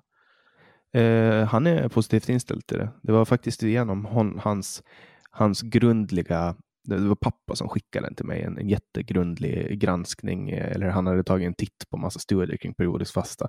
Och det var då som jag blev övertygad att testa. Och det var genom att leva, leva i periodisk fasta länge som jag insåg hur bra det är för mig. Mm. Eh, vill du intervjua någon om det här med eh, vad heter det? Alltså nutrition och veganism så finns det en eh, nutritionist som heter Pernilla Berg som är väldigt eh, inläst på detta. Eh, Alltså du har så stort inflytande av mig med att du är en alibi-kommunist, så jag, jag tar med vem som helst som du Ja. föreslår. Det var ju du som uh, tipsade om Tanja Suhinina till exempel. Ja, ja, hon behöver få. Hon är med i ett inslag på Kropp och själ nu som sändes idag. Eh, som eh, om flersamhet. Mm. Ja, ja du, får, du, du, har, du får utnyttja att du har, att du har inflytande över den här podcasten nu. Men Pernilla Berg känner jag inte skulle jag säga, men jag har liksom läst hennes artiklar och läst hur de skriver, vad de skriver på olika forum och sådär. Eh, Men min tanke i alla fall är liksom allting med moderation och eh, tidigare så tänkte man att man behövde kombinera liksom tätare intervall än vad man kanske behöver nu. Det enda som är vikt, alltså, riktigt viktigt för veganer att eh, liksom lägga till i kosten som är svårt att få på vegankost, det är ju B12. Mm. Eh, att vi då tar liksom B12-tillskott är jätteviktigt. Eh, så. Eh, för att annars kan man ju få liksom bristsjukdomar på olika sätt. Mm. Ja, och sen, ja, jag vet inte, alltså, eh, det, var en, det, fun, det funkar verkligen inte för mig. Ehm, jag tyckte om det. Alltså jag, jag tyckte om maten jag åt då. Det var, det var riktigt härligt. Speciellt, jag bodde ju i Stockholms innerstad då. Det fanns jättebra utbud. Hur mycket tror du att det inte funkade på grund av någon form av svartvitt tänkande? Och hur mycket, eller hur mycket tror du inte funkade på grund av att du gjorde en för snabb ändring i det? Alltså jag, jag fasade in långsamt. Alltså jag började med att fasa ut rött kött och åt bara kyckling och ägg under en längre tid. Ja. Eh, och sen fasade jag ut kyckling och sen fasade jag ut ägg och så gick jag in på vegetarian men hade fortfarande kvar mjölkprodukter. Och sen till sist klippte jag mjölk och ost. Ja. Eh, så att jag gjorde en långsam förändring. Eh, åt mycket kål, åt väldigt, väldigt mycket broccoli. Ehm, och så smoothies och sådana grejer. Mycket vet, spirulina och allt sånt dyrt som man beställde från gymgrossisten. Men, men det var verkligen alltså, det var ju min mage som helt enkelt inte pallade där. Ja, och då kanske du liksom, du kanske fasade in, men du kanske var liksom för begränsad i det. Who knows liksom. Eh, Ja, det var ju lång tid, alltså över ett år som jag höll på. Ja, ja, ja, ja. Men, men att du fort, det du fasade in kanske var liksom för, för få variant, för få olika saker eller sådär. Eller i Mm. fel doser, who knows. För Ja, man som- behöver ju lära om mycket liksom. Ja, det som hände var att min kropp inte tog upp Nej. eh, näringen helt enkelt. Men Nej, så fort jag- jag började med kött så blev det bra. på, på dig där. Men jag tänker att alltså, ett problem jag ofta ser, det är att man är för begränsad på olika sätt. Och eh, att man gärna försöker lyfta fram alltså, veganism som något liksom i särdelen liksom, nyttigt och hälsosamt. Medan det kanske egentligen inte är det. Men, men man kan leva lika hälsosamt som vegan som icke-vegan. Mm. Eh, Ja, men det är samma med kött, alltså carnivore, där, där handlar det också om att äta gräsbetat. Du ska ju äta kött, alltså jag åt ingen gris till exempel. Mm. För att jag inte, mådde inte bra på det. Men eh, nötkött, jag åt nötkött och kyckling, speciell kyckling. Jag åt inte Ja, och det finns, det finns ju kulturer som äter signifikant mycket mer kött än vad vi gör. Även om liksom, eh, väst, eh, liksom vår kultur är väldigt kött, köttig den också. Eh, Mm. Så, så det, det, det, alltså, det finns säkert liksom utrymme för ganska stor variation i hur man äter om vi tänker utifrån liksom rena hälsoaspekten. Mm. Eh, och där är ju det viktiga faktorn för mig, det är de här etiska aspekterna. Alltså har vi människor, har vi människor rätt att liksom använda andras... På, på vilka grunder har människor rätt att använda andras kroppar eh, för, sin egen, för sin egen skull? Liksom. Mm. Eh, Ja, alltså som, som till exempel, jag har en kompis som har en, en eh, gård med köttdjur. Mm. Och kollar man ur kornas perspektiv så lever ju de, de lever loppan. De lever i fyra år och har fulländade koliv. De har det skitbra. De får gå runt i fyra år. Ja. De får gå runt, de får äta, de, har, de får vara med sina kalvar, de får chilla sönder. Liksom. Det är väl typ fyra, fem år. Eh, och, och sen går de vidare. Liksom. Och en van, normal livslängd för en ko, i alla fall enligt en snabb Google-sökning här nu, eh, mellan 18 och 22 år. Ja, jo, men sen, sen kommer sjukdomar och sånt och tar även kor i slutet av deras liv, precis som människor. Vi lägger ju inte ner samma resurser på att operera en ko till hade, exempel. Hade du liksom varit nöjd med bara leva en femtedel av ditt liv? Alltså... ja, jag gillar ju min barndom ganska. Alltså, det var ja. ju mycket lättare. Alltså, livet är ju inte lätt. Nej. Alltså, om Nej, någon skulle... Men livet är väl meningsfullt även efter? Liksom. Alltså... Jo, men om någon skulle smyga upp bakom mig nu ja. eh, och slå hål i min skalle och jag inte skulle märka någonting, det bara skulle bli svart, då skulle inte jag lida av det. Nej, fast det kanske kan vara moraliskt fel att döda dig ändå. Även, eh, sådär. Alltså, det, det, den viktiga frågan här tänker jag är ju liksom på vilka grunder tillåter vi oss att liksom använda andra? Ja, vi har ju alltid gjort det. Ja, fast det är mycket vi alltid har gjort som inte är okej. Okay, alltså. Nej, det är sant. Det är helt sant. Det är vi helt har sant. alltid krigat. Det är inte okej. Okay. Uh, vi har alltid mördat andra människor. Det är inte okej. Okay. Nej, moral, moraliskt har du rätt. Alltså. Jag, jag måste ge dig det. Alltså, vi har, jag, jag äter ju till exempel inte hästkött. Alltså, det skulle inte komma på fråga. Men det är ju för att uh, alltså, i olika, olika kulturer har olika, alltså en begränsad mängd liksom, matdjur uh, som skiljer sig lite åt mellan olika kulturer. Uh, I Sverige äter vi inte hund, men det gör man på andra ställen. Där det ja, jag, blev, jag blev jätteprovocerad av en vän som berättade att han hade ätit hund. Jag blev nästan lite arg på honom. Ja. Och på andra ställen i världen blir man provocerad för att vi äter gris i Sverige. Ja. Alltså att, och det är för att man har olika syn på liksom vilka djur som får ätas och inte. Uh, mm. och det är kulturspecifikt många gånger. Ja, visst är det det. Och det är ju den moraliska kompassen som får styra. Men jag till exempel, jag, jag äter inte kor som Nej. har levt eh, boxliv där de har stått inklämda och blivit fullpumpade med steroider och kraftfoder. Jag tycker så inte att det är typ... äter du nästan aldrig på liksom restaurang eller liknande då tänker jag? Alltså... Alltså om jag åker och äter, jag, jag åker ju ofta eh, in till Mölnvik, eller ofta, ofta, det händer att jag åker in till Mölnvik och äter på Ica Maxi där, för de har, de har ett ställe som heter Burgers and Shakes and Stuff där de har ja.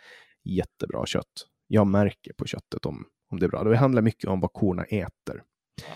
Och ger man korna gräs, en silage, liksom, då, då är de ofta alltså hö, gräs från marken som man stoppar in i balar och så får de gå på grönbete på sommaren. Då får de det de ska ha och då växer de inte snabbare än de ska och då mår jag bra av det. Eh, men det är klart att, jag, att det händer att jag går till McDonalds. Liksom. Ja. Men, och, men det, det händer inte att jag går till McDonalds och mår bra efteråt. Nej. Men då, då, då, då, konsumerar du ju liksom djur som stått i boxen. Ja, men då tänker jag mera om, eller sen vet ju de, de säger ju att de har en bra kopolicy, men ja, det jag menar, så när, jag, när jag köper kött i butiken. Ja, och, och, där har vi ju nästan sådana grejer, alltså vi, det finns, finns ju någonting som kallas för köttnationalism. Alltså i Sverige så får vi reda på att det svenska köttet är bäst eh, och mest etiskt. Eh, I Danmark så har de liknande för danskt kött. Eh, mm. I Tyskland så har de liknande för tyskt kött. I Rumänien har de liknande för rumänskt kött. Med lite olika argument. Liksom. Mm. Nej, jag, jag, köper, alltså när, när jag köper, om, om jag kanske sa fel, eller jag formulerar mig fel. När jag köper kött i en butik, då går jag till deledisken ja. och så frågar jag vilken gård entrecôten kommer ifrån, om det är en, en bit entrecote jag vill ha, och vad det är för djur. Alltså var det en kviga, hur gammal var den, hur långt bort ligger gården? Kan de svara på det, då, då köper jag köttet. Och då blir det kanske lättare sen att även liksom någon gång ibland gå på McDonalds och bryta mot den där regeln du satt upp för dig själv. Ja, men jag säljer alltid en bit av min själ. Jag mår alltid dåligt när jag varit i Donken. Ja, ja, ja, ja. Men, och, och det här, här har vi också en sån här grundläggande alltså, psykologisk mekanism. Alltså det finns något som kallas för kognitiv dissonans. Mm. Alltså när våra beteenden och värderingar krockar. Två alltså konfliktande vi... tankar samtidigt. Ja, ja, precis. Så hur löser man den?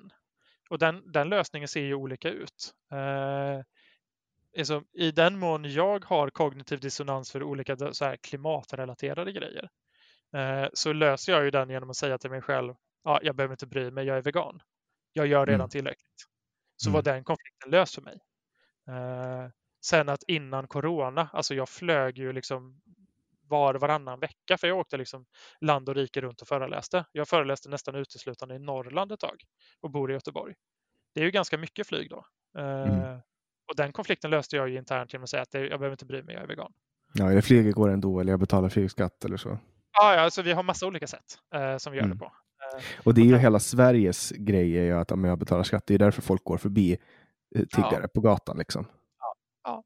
Eh, fast andra har, men grejen är att andra har andra förklaringar.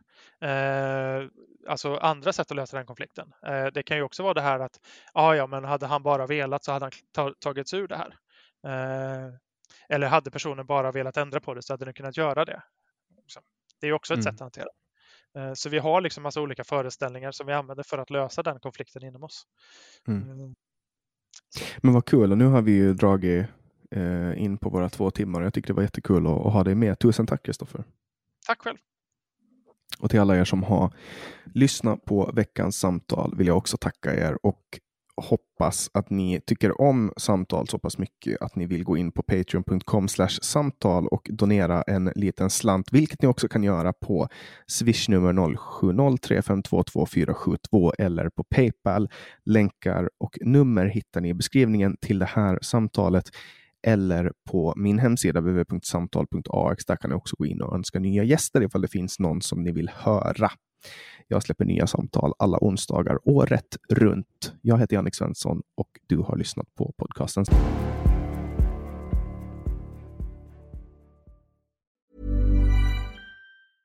Imagine the softest sheets you've ever felt. Now imagine them getting even softer over time. That's what you'll feel with Bowl and Branch's organic cotton sheets. In a recent customer survey, 96% replied that Bowl and Branch sheets get softer with every wash. Start getting your best night's sleep in these sheets that get softer and softer for years to come. Try their sheets with a 30-night guarantee. Plus, get 15% off your first order at bowlandbranch.com. Code BUTTERY. Exclusions apply. See site for details. Planning for your next trip?